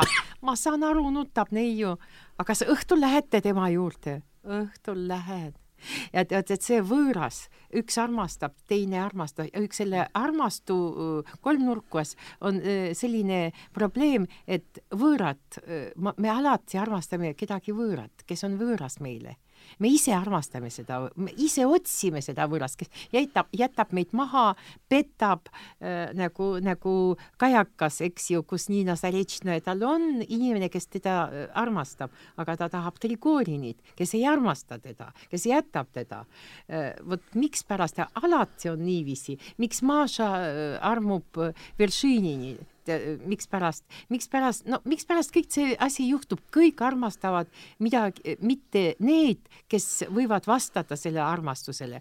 kõik, ring on selline, et üks armastab teist, see teine armastab kedagi muud ja nii edasi, nii edasi, nii edasi, et see armastab, armastus üldse ei saa realiseerida kuidagi mm. -hmm aga mul tuli nüüd siin sõna lunastada, tõmbasin kriipsu alla, et ma arvan, et see tuli meil jutuks ka siis, kui me rääkisime Jungist ja ja, ja see ei ole tükk aega, ma eksin, eelmisel kevadel järjest uurisin inimeste käest, et et mida see sõna nüüd ikkagi õigupoolest tähendab ja kuidas me või kui me vaataksime nüüd Tšehhovit selle sõna valguses ja kõrvutaksime teda siin võib-olla tema arusaamist äh, lunastuses siin Dostojevski, Tolstoiga, et kas siin oleks järsku mingit huvitavat sellist no see lunastus on vot mis seda... asi, see, et kuidas, jah, ma olen palju uurinud, et kuidas, see on huvitav, kuidas inimesed seda e e niimoodi mul on hästi raske seda mõistet kuidagi Tšehhovi loominguga siduda, aga, aga noh, selle mõiste juurde enda, enda juurde tagasi tulles, et et et ma olen mõelnud, et see lunastus või ma olen lugenud autoreid, kes on öelnud niiviisi, et lunastus tähendab eelkõige seda, et minus andestatakse seda, mis on minus andestamatu. ja seda on öelnud üks Ameerika väga põnev esseist Philip Jensi, kes on palju kristlikke raamatuid kirjutanud ja nimelt ta selle lunastuse kujundi järgi analüüsis Auschwitzi kogemust, et kas juudid tegelikult saavad andestada neile need teod, mis on tegelikult andestamatud.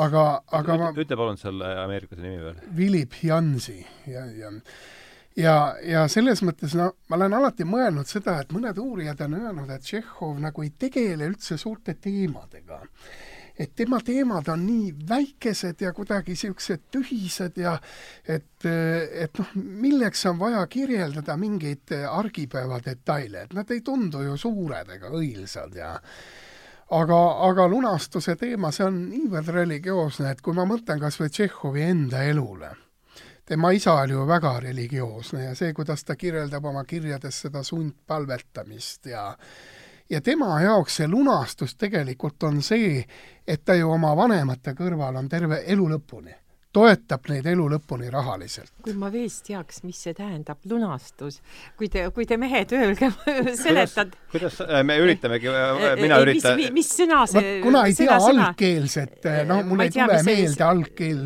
kuidas on vene keeles kuidas see vene keeles võib olla, ma ei, ma ei tea seda sõna eesti ja, keeles. ja vot niisugust religioosset sõnavara Tšehhovi loomingus no, äärmiselt vähe kohtab ma ei tea, ma lihtsalt ei aga... kas ma... vaata Google'ist Google'ist, et, et mis see tähendab, lunastus? ja no lunastus. aga, aga noh, seda on nii raske siduda kuidagi sellise lihtsalt, mul oli üldse plaanis ka, hakkas kõrva lihtsalt, et ma mäletan, et kui ei vaatame kohe järgi aga te võite nii, nii kaua edasi rääkida. kas sõnastik annab äh, vastust? annab, annab mõnikord ei anna. no ei, see selline sõna on ikka olemas.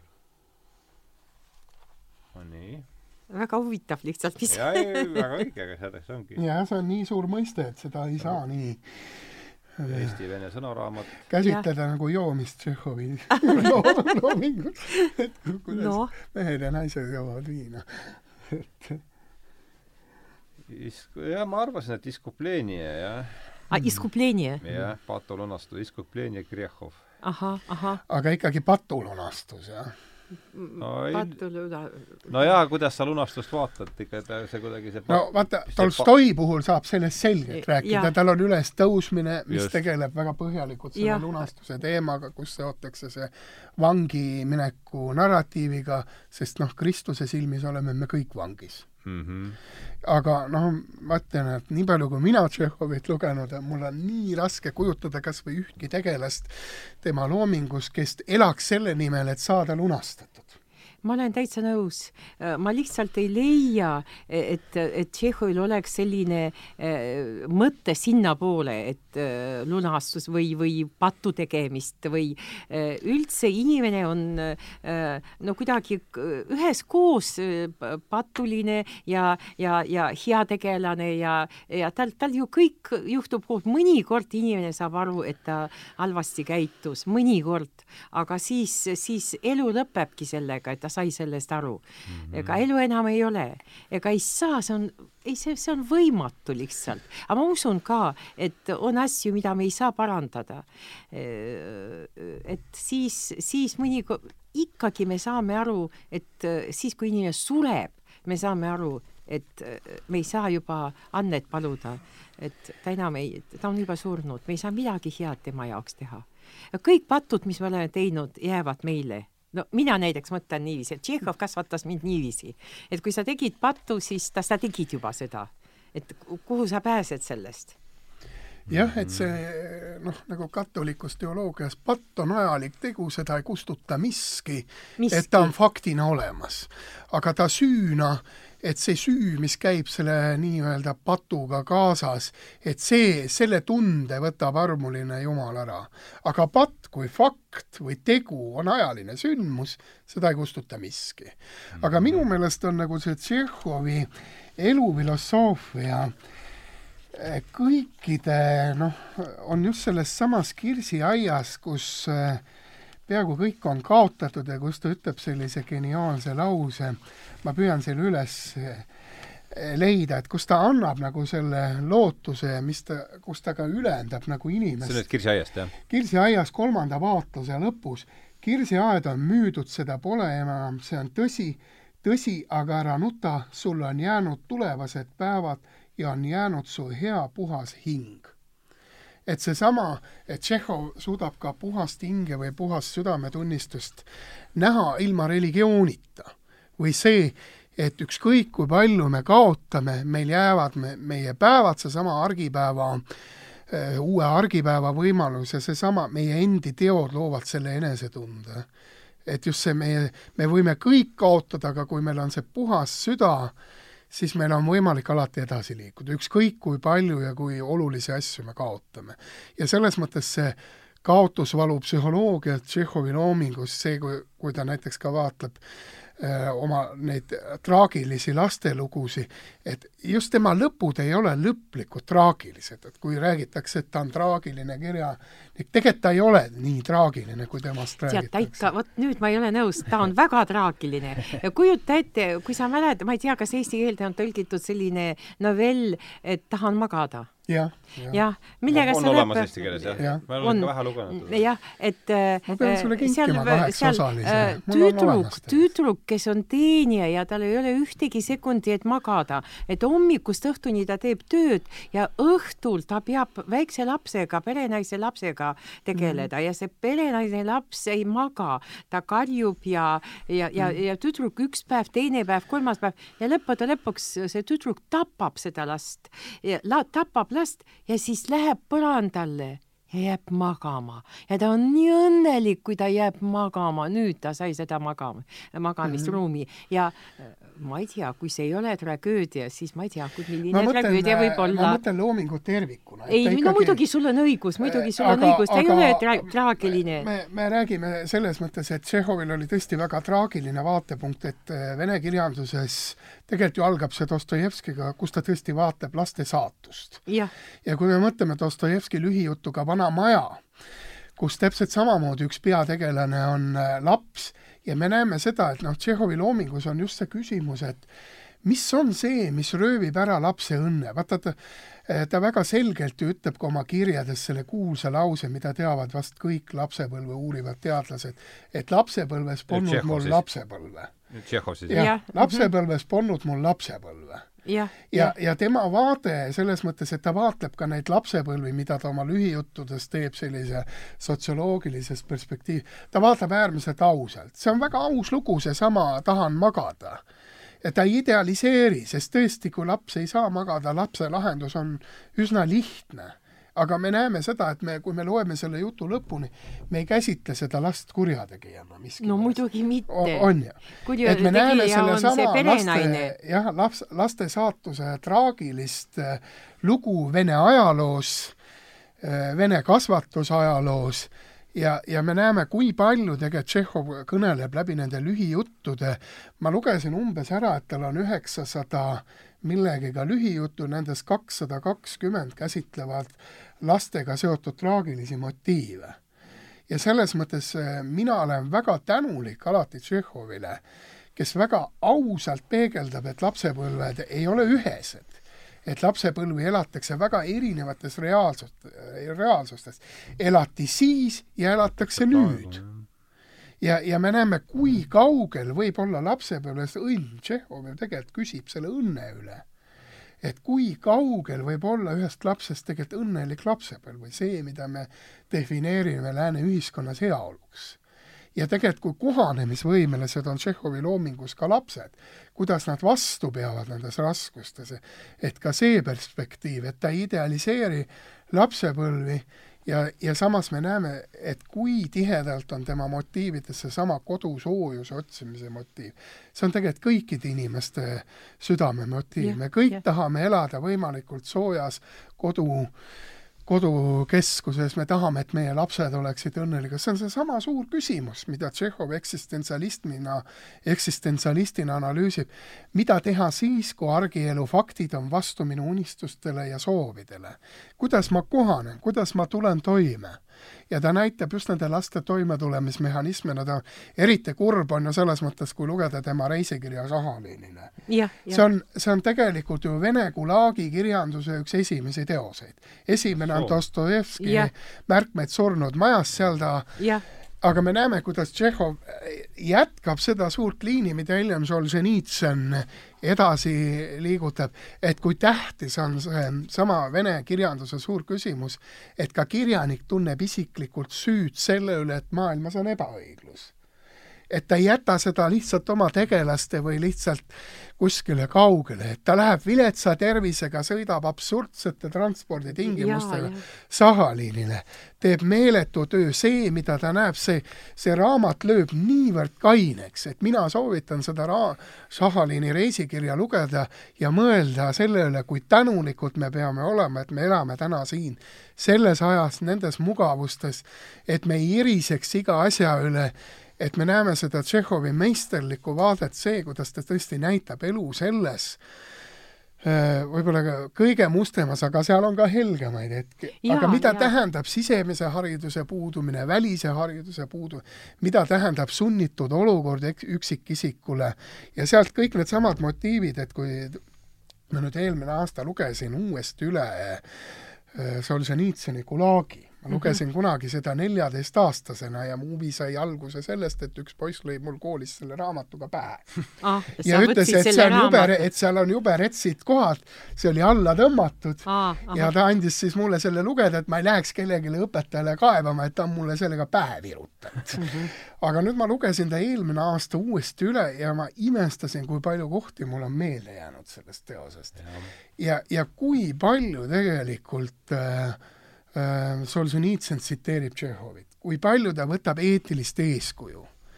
ja, ja ma ei mäleta, kas ma lugesin Solženitsõni kirjadest või mälestustest ühte sellist kildu, kus ta rääkis ühest küüditatud naisest või oma lähedasest, kus üks naine ütles, et et äh, kui teda välja viidi sealt kodust äh, asumisele, siis tema ema asumisel ütles, et tal on äh, kõige suurem valu sellepärast, et maha jäid Tšehhovi kirjad.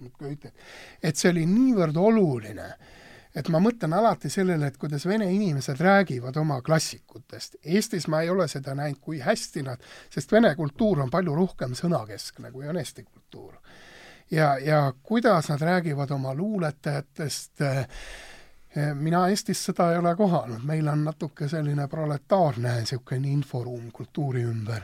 aga seesama, et kui palju tegelikult Solženitsõn saab sellist psühholoogilist tuge Tšehhovist, kuidas ta õpib sellest, mida tähendab üksikisiku kujutamine sellises olukorras, kus ajaloolised jõud on üle inimsaatuse, see on ju ka puhtalt Tšehhovi narratiiv ja, ja, ja selles mõttes mina olen alati öelnud, et vene klassikaline kirjandus on tõeline hingeharidus. ilma selleta ei ole mõtet, et see asendab kõiki psühholoogiateoseid, lugege, õppige vene keelt, lugege vene klassikat ja te saate vabamaks. No sellega võib lõpetada vist. No ärme veel, ärme veel tõmba otsi päris kokku, aga aga kui me nüüd räägime konkreetsetest teostest, et mis teil on jätud, ma saan aru, sul on näidendid, Ivar, olnud?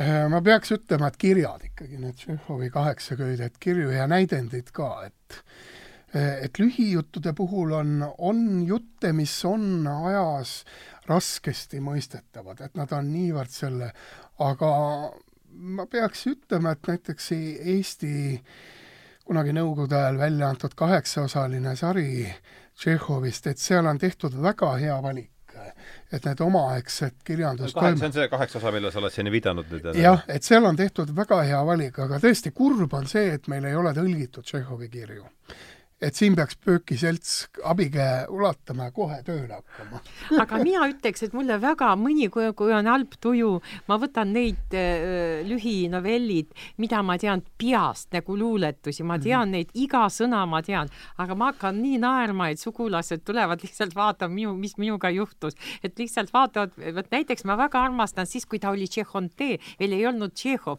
ja tal on väga naljakad jutud, et näiteks milline on kirjaniku tõeline tõelise kirjaniku elu. Ja eh, see peategelane unistab, et milline ta tahaks, milline oleks tema äh, elu, et tema elu peaks olema niiviisi, et käib niiviisi, et tema naine, tema ämm ja, ja nai-, naise õde istuvad tema diivani ümber, tema magab, aga magab niiviisi, et ta kuulab, millest ta räägib. Ja siis need kolm naised ütlevad, et ikka maailm kaotab väga palju, et ei tea tema teoseid. et küll meil tuli see õnn, et me elame koos geeniusega. Ja siis ta nagu ärkab ja ütleb, et noh, naised, teed. Ja siis kolmekesti nad jooksevad ja toovad teed ja ei tea, kas see tee veel meeldib talle.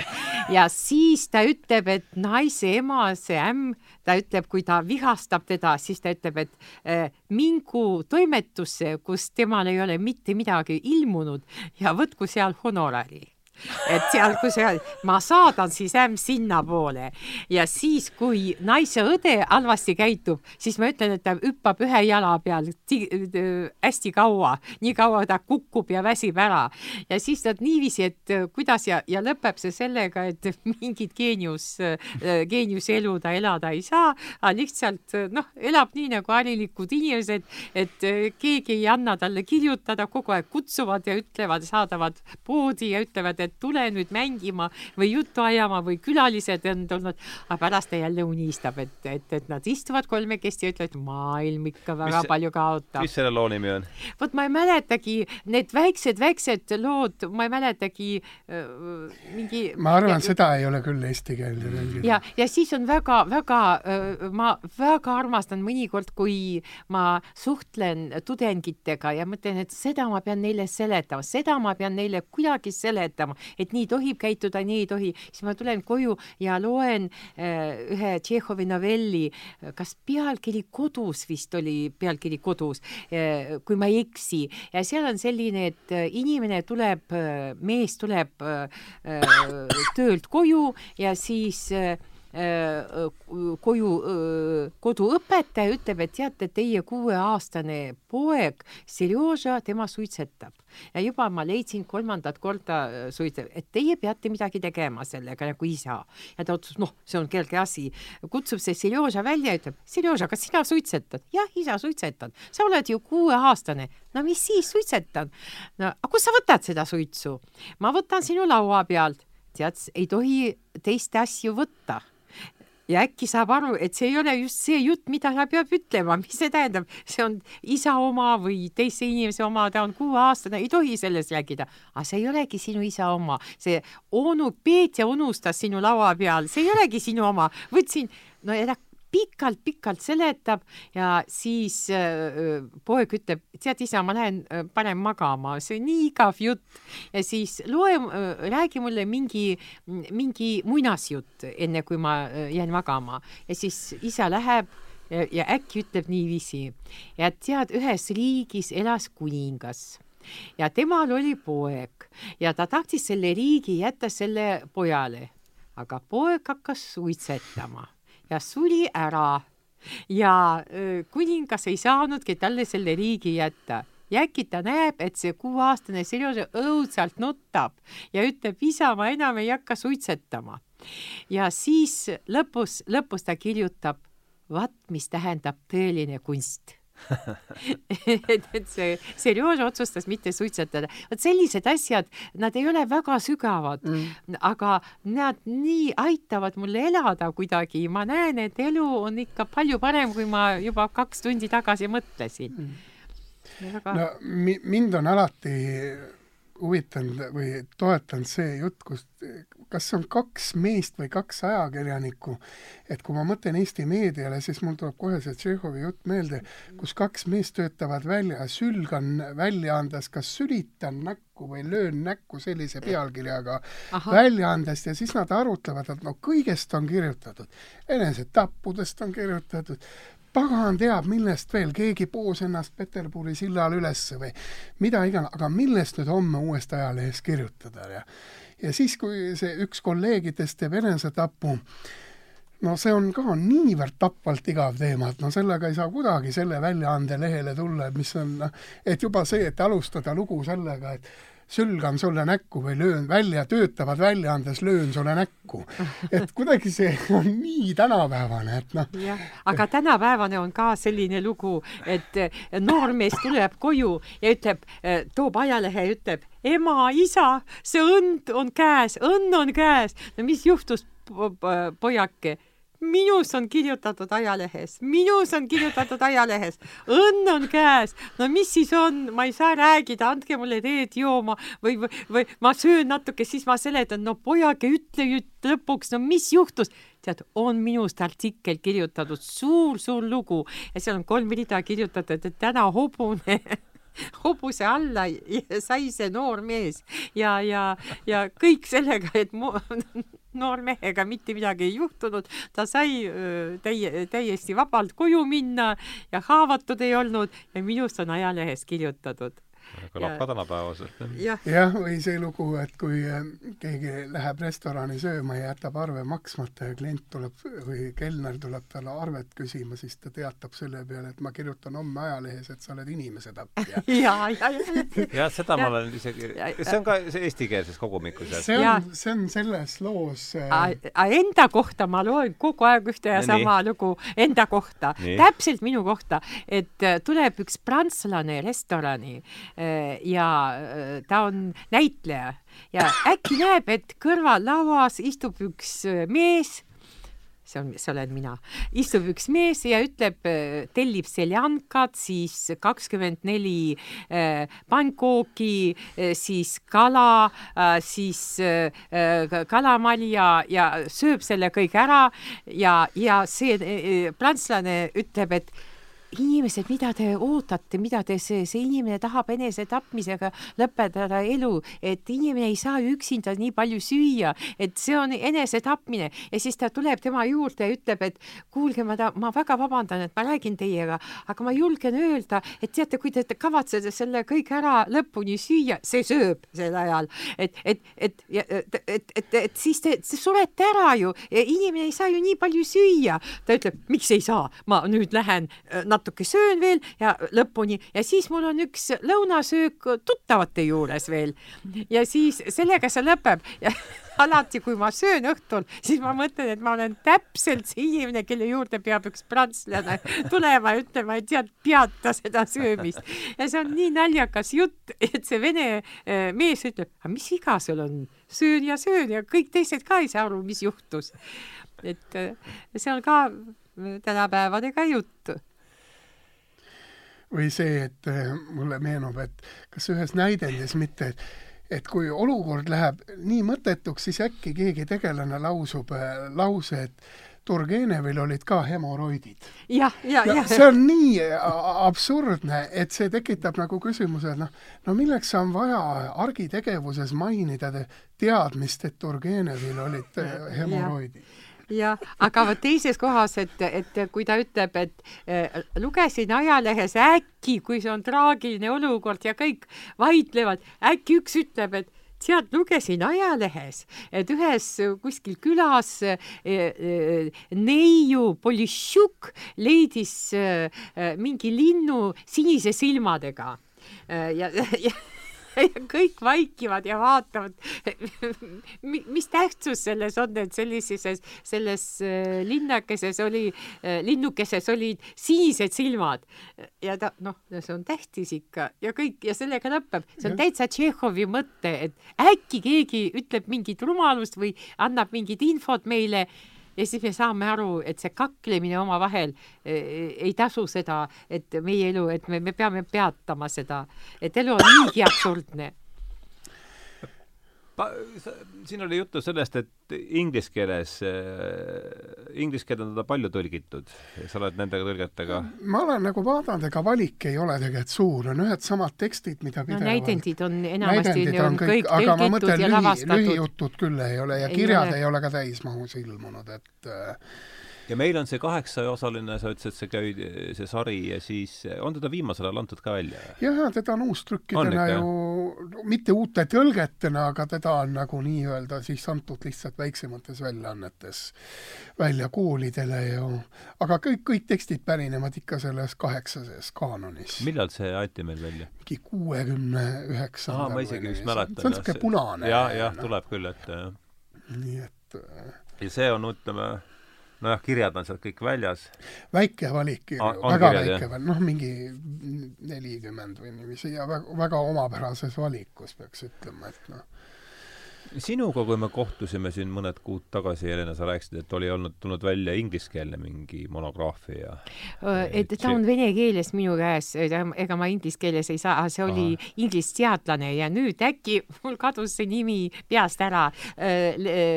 Londoni ülikooli professor, sina tead seda nimi? kas see ei ole Bennet või? ei, ei, R-tähega algab Rein kuidagi äh, hästi paks raamat ja, ja see ja, oli ja. suure skandaaliga, see ilmus, ta on venekeelne slaavi professor Londonis mm, -hmm. isegi minu tuttav õppis tema juures ja see umbes seitsesada lehekülge, kõik need kirjad, kõik need asjad pandud kokku. millal see võis ilmuda? See ilmus no viis-seitse aastat tagasi ja, ja oli suur skandaal, sellepärast et kõik teadlased hakkasid seda lugema, Tšehhov on hoopis teistsugune, kui me ennem teadsime. ta ei ole nii prillidega intelligent, ta on täitsa harilik inimene. see see. oli õudne. Reinhold, Reinhold, no, no selline eh, Londoni professor ja, ja see mitu korda on trükis olnud see tiraaž, üks tiraaž, teine, kolmas, viies, kümnes. ei ole kursis, kui Vaba Venemaal on üldse Tšehhovi uurimine praegu, mis seisus ta hetkel on. et et, et mujal maailmas antakse teda palju ja palju uuritakse. Anton ta, Tšehhov on selle raamatu pealkiri, Anton Tšehhov. sest ta on ikkagi teatriautor, suur teatriautor ja, ja, ja temast on, on ikka mitu paksu elulugu inglise keeles. ja see on nii imelik pealkiri, Anton Tšehhov, et me teame Anton Pavlovitš Tšehhov. Vene keeles ta on Anna, alati Anton Pavlovitš, sellepärast et ta on prillides ja pentsnees, et äh, intelligent ja äh, Anton Tšehhov on pealkiri, selle raamatu pealkiri äh,. aga ta kirjutas vene vene keel. Donald Rayfield järsku või? jaa, jaa, jaa mm. -hmm seda ma ei tea, seda ma ei ole lugenud, aga ma viimati lugesin uuesti läbi Puunini selle raamatu, mis on lühike ja väga hea. ja väga hea, aga see ma võin Londoni, sulle kunagi laenata, mul on olemas. see Londoni professor tegi ka õudselt suure töö ja kasutas neid asju, mida, mida ameeriklased ja inglisteadlased, nad lubavad endale kasutada. nagu ma loen neid, mõnikord näiteks Brotski kohta ma loen mm, mm. et kellega, kellega ta viibis seda ööd või mis temaga juhtus sel ajal. vot meie omad ei julge, vene teadlased ei julge neid asju kirjeldada üldse, et see on keelatud nagu. seal on teatud see, pühaduse piir on. jah, see on selline piir, et WC-s ei tohi käia ja, ja naisega magada ei tohi, no seal neid asju me ei puuduta. et tihti need inglisekeelsed vene autorite uurimused ongi, et nad pööravad tähelepanu sellistele hästi lapsikutele ja madalatele motiividele, siis uuritakse noh, neid allikaid väga valikuliselt, tihti ju mitte originaalallikaid, vaid kellegi mälestustest jälle tsitaat ja ja nõnda edasi, et sul on väga raske aru saada, et milline on see uurimuse kvaliteet, allikate uurimuse kvaliteet. Ja noh, ja mis eesmärgil on vaja peegeldada, sest Tšehhovi loomingus on võimalikult avameelselt ju kõik esile toodud, selleks no, ei pea eraldi kirjutama. no ma ei tea, minu jaoks see raamat oli väga tähtis, et ma sain aru, millest see tuli, minu jaoks on alati väga tähtis, et eh, mis allikust tulevad need teemad, kas eh, oma elust või oma kuidagi äh, fantaasiast, vot mina alati näen seda piiri, kui see on ise elus äh, elanud, siis minu jaoks on palju tähtsam kirjandus kui fantaasia see oma vot minu jaoks lihtsalt isiklikult. no ma mõtlen kas või ome... Gogoli puhul, et vaata Gogoli see kuulus noh, nii-öelda enesetapp või näljutamine.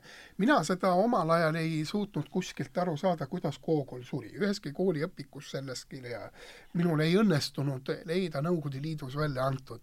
aga siis ma lugesin ähmiga ühest äh, ma ei mäleta ameeriklaste välja antud antoloogiast, kus oli Gogoli päevikuid või kirju ja, avaldatud ja. fragmentidena ja seal oli siis toodud välja, et Gogol oli noh, näljutas surnuks äh nii-öelda patukahetsuse tõttu, selle tõttu, et ta tundis tohutut süüd selle vastu, et ta on homoseksuaalne ja mul oli see esmakordne sellise allikaga tutvumine ja ma mõtlesin enda sees, et huvitav, mida see mulle juurde andis Gogoli tead, ma ei ole kindel, et ta oli homoseksuaalne, ma olen kindel, et ei olnud homoseksuaalne. no no, usu palju, seda, ma, ma ei ei, seda. ma ütlen, tal ei olnud ühtegi korda elus noh, naisega mingit pistmist, naistega äh,, aga ma olen kindel, et meestega ka.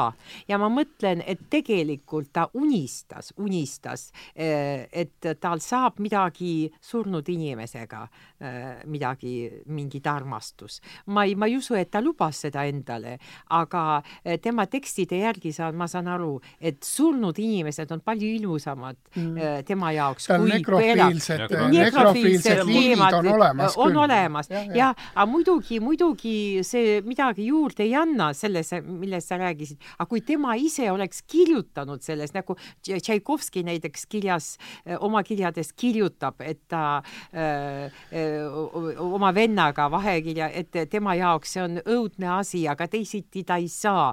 Et talle meeldivad need lihtsalt poisid, need, äh, kes ei ole haritud, kes ei tunne muusikat huvi, aga te, teda tõmbab nende poiste juurde. Äh, mul on vastik seda lugeda, aga ma tahan, aga ma ikkagi tahan seda lugeda, sellepärast mitte niisama pärast, et lihtsalt huvi pärast, aga ma, ma pean saama, mis tegi talle äh, nii õudsa valu, kust sündib see, see valutunne, mis annab pärast geniaalse muusikat? Mm jaa, et jah, et äh, aga äh, mis ta oli nüüd selle, see Punini teos käis ka läbi, anna see ka palun, see mulle jaa, ma võin sulle pärast viite saata. mul on ta füüsiliselt, see on Lõpetamata sümfoonia. lõpetamata. ja see on väiksemahuline. kuidas see oli Tšehhoviga seotud? see ongi tema mälestused Tšehhovist ah.. ta käis tema juures ja, ja tegelikult no, tegelikult paljud... on ju Puunin ka võrratu autor no,, ma mõtlen, ta on aga... suure selle see Hämarad alleed on minu meelest üks kaunima, kaunimaid teoseid. ja noh, Puunini päevikud, no, no ütleme, no Need on ka suurepärased no. ja, ja tema Tšehhovist võttis väga palju, mõned asjad isegi teed lahti ja hakkad kahtlema, kas see on Puunin või see on Tšehhov. Puunini päevikud, ega neid ei ole eesti keeles, on või? ei, ei, ei, ei mul on inglise keeles olemas, nii et tere tulemast lugejaks mul on kõik valik olemas. ja, ja, ja mõnikord hakkad kahtlema, kas Mitte see on Tšehhov või aga, aga see Punini noh, äärmine delikaatsus ja, ja see kunstiline anne. huvitav, et mulle Hämarad leed väga meeldis, aga külale ma ei saanud nagu küüsi taha, ma ei tea, kuidas, kuidas noh, küla ongi nõudlikum tekst ja ta on noh, natuke teine. ikka väga teine, erine, nagu täitsa erinevalt jah, aga küla ei ole sugugi kehv raamat. aga minu, noh, ta on väga ängistav teos küll ja ega, ega ta jälg-, järgib ikkagi seda suurt küla eepilist kujutamisviisi, mis vene kirjanduses on olnud ja ja, ja, ja selles mõttes ta on väga sarnane Tšehhov, et Tšehhov ju ka ei idealiseeri küla, mida näiteks teeb Gogol, kus ta vastandab küla ja linna. vaat-, vaata Gogoli teoste tüpoloogiat.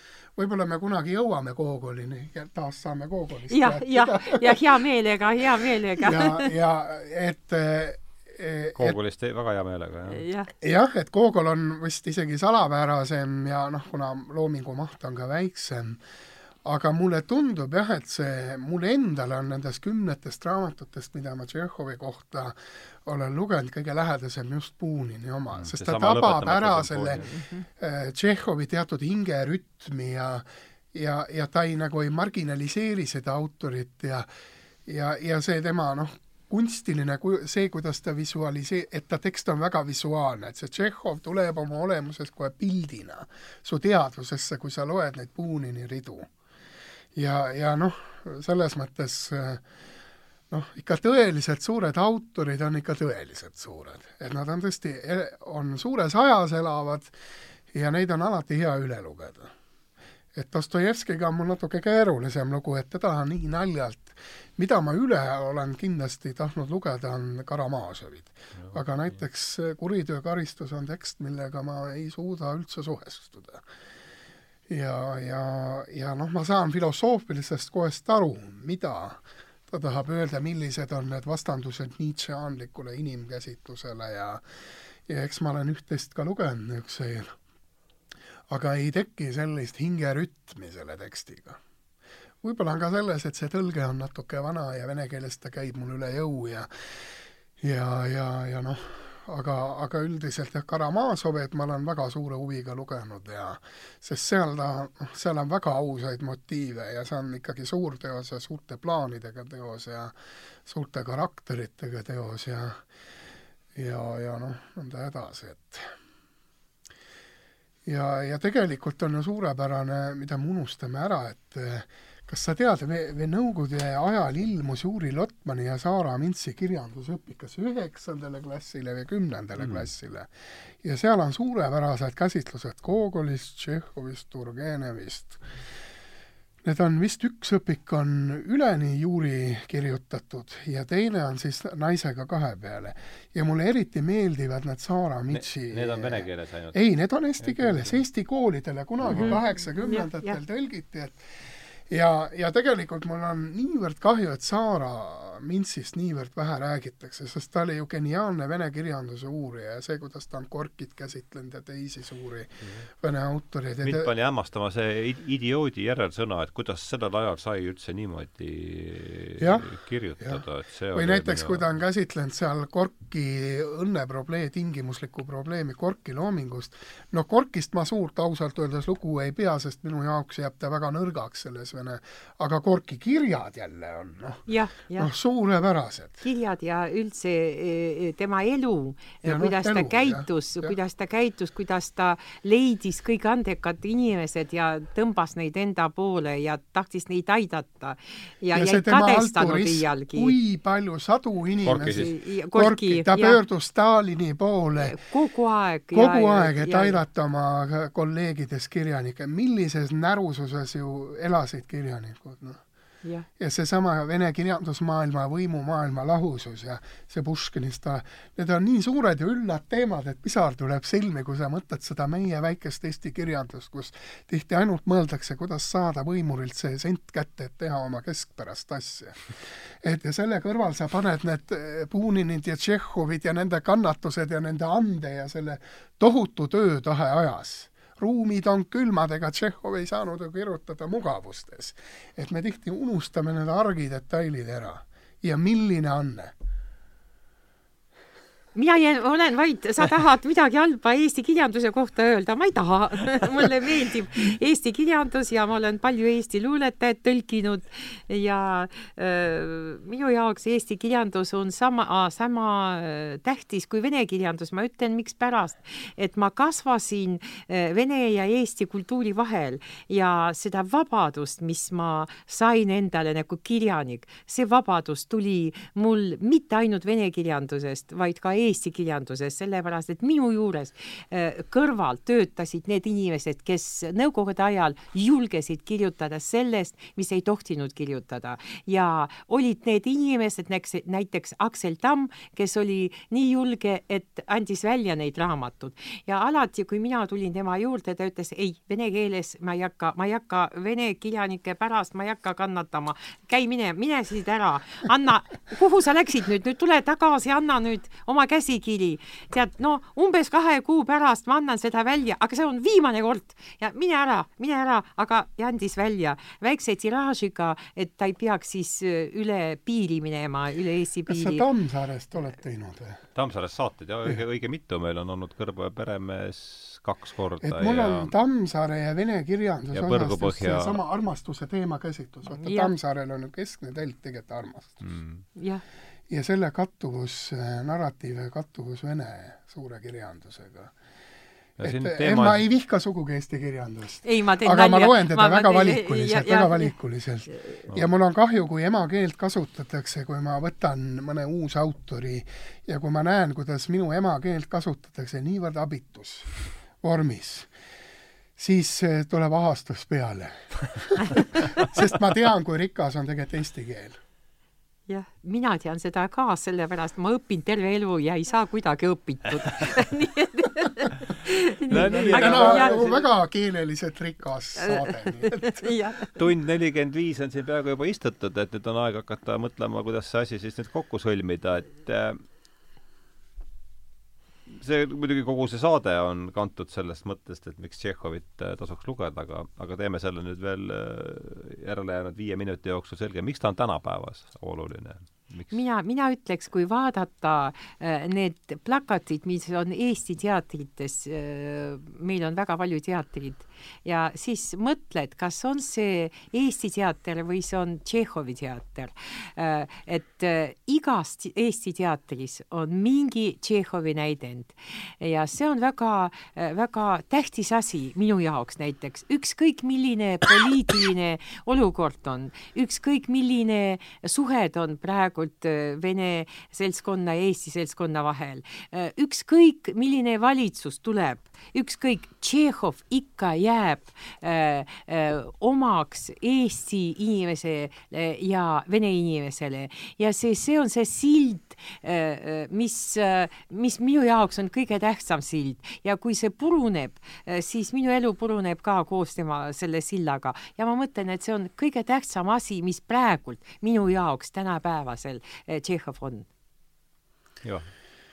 Eh, mina soovitan Tšehhovit lugeda just see, et ta on niivõrd kaasaegne ja Tšehhovi keel, et kui te loete Tšehhovi tekste, siis te saate aru, mida tähendab elegantne keel, proosa selline luulerütmis, et Tšehhov on ka väga tänapäeva inimesi probleemi mõistev autor, et te loete niivõrd noh, psühholoogiliselt niivõrd head analüüsi enda kohta ja kas või sellepärast tuleb Tšehhovit lugeda, et saada aru, et kuidas olla üle nõmedast, tihti hallist argipäevast. ilus. kas, ja sa ütlesid, selles eestikeelsetes tõlgetes on see poeesia on, Tuglase ja Linaski omades on täiesti olemas see rütt, see argiproosa rütm tuleb äh, hästi esile, nii et et see on noh, mõni on lausa nauditav, et sa loed, noh, seal on näha, kuidas on otsitud sõna, noh, sest noh, kahjuks eestlased ju sõimata väga hästi ei oska.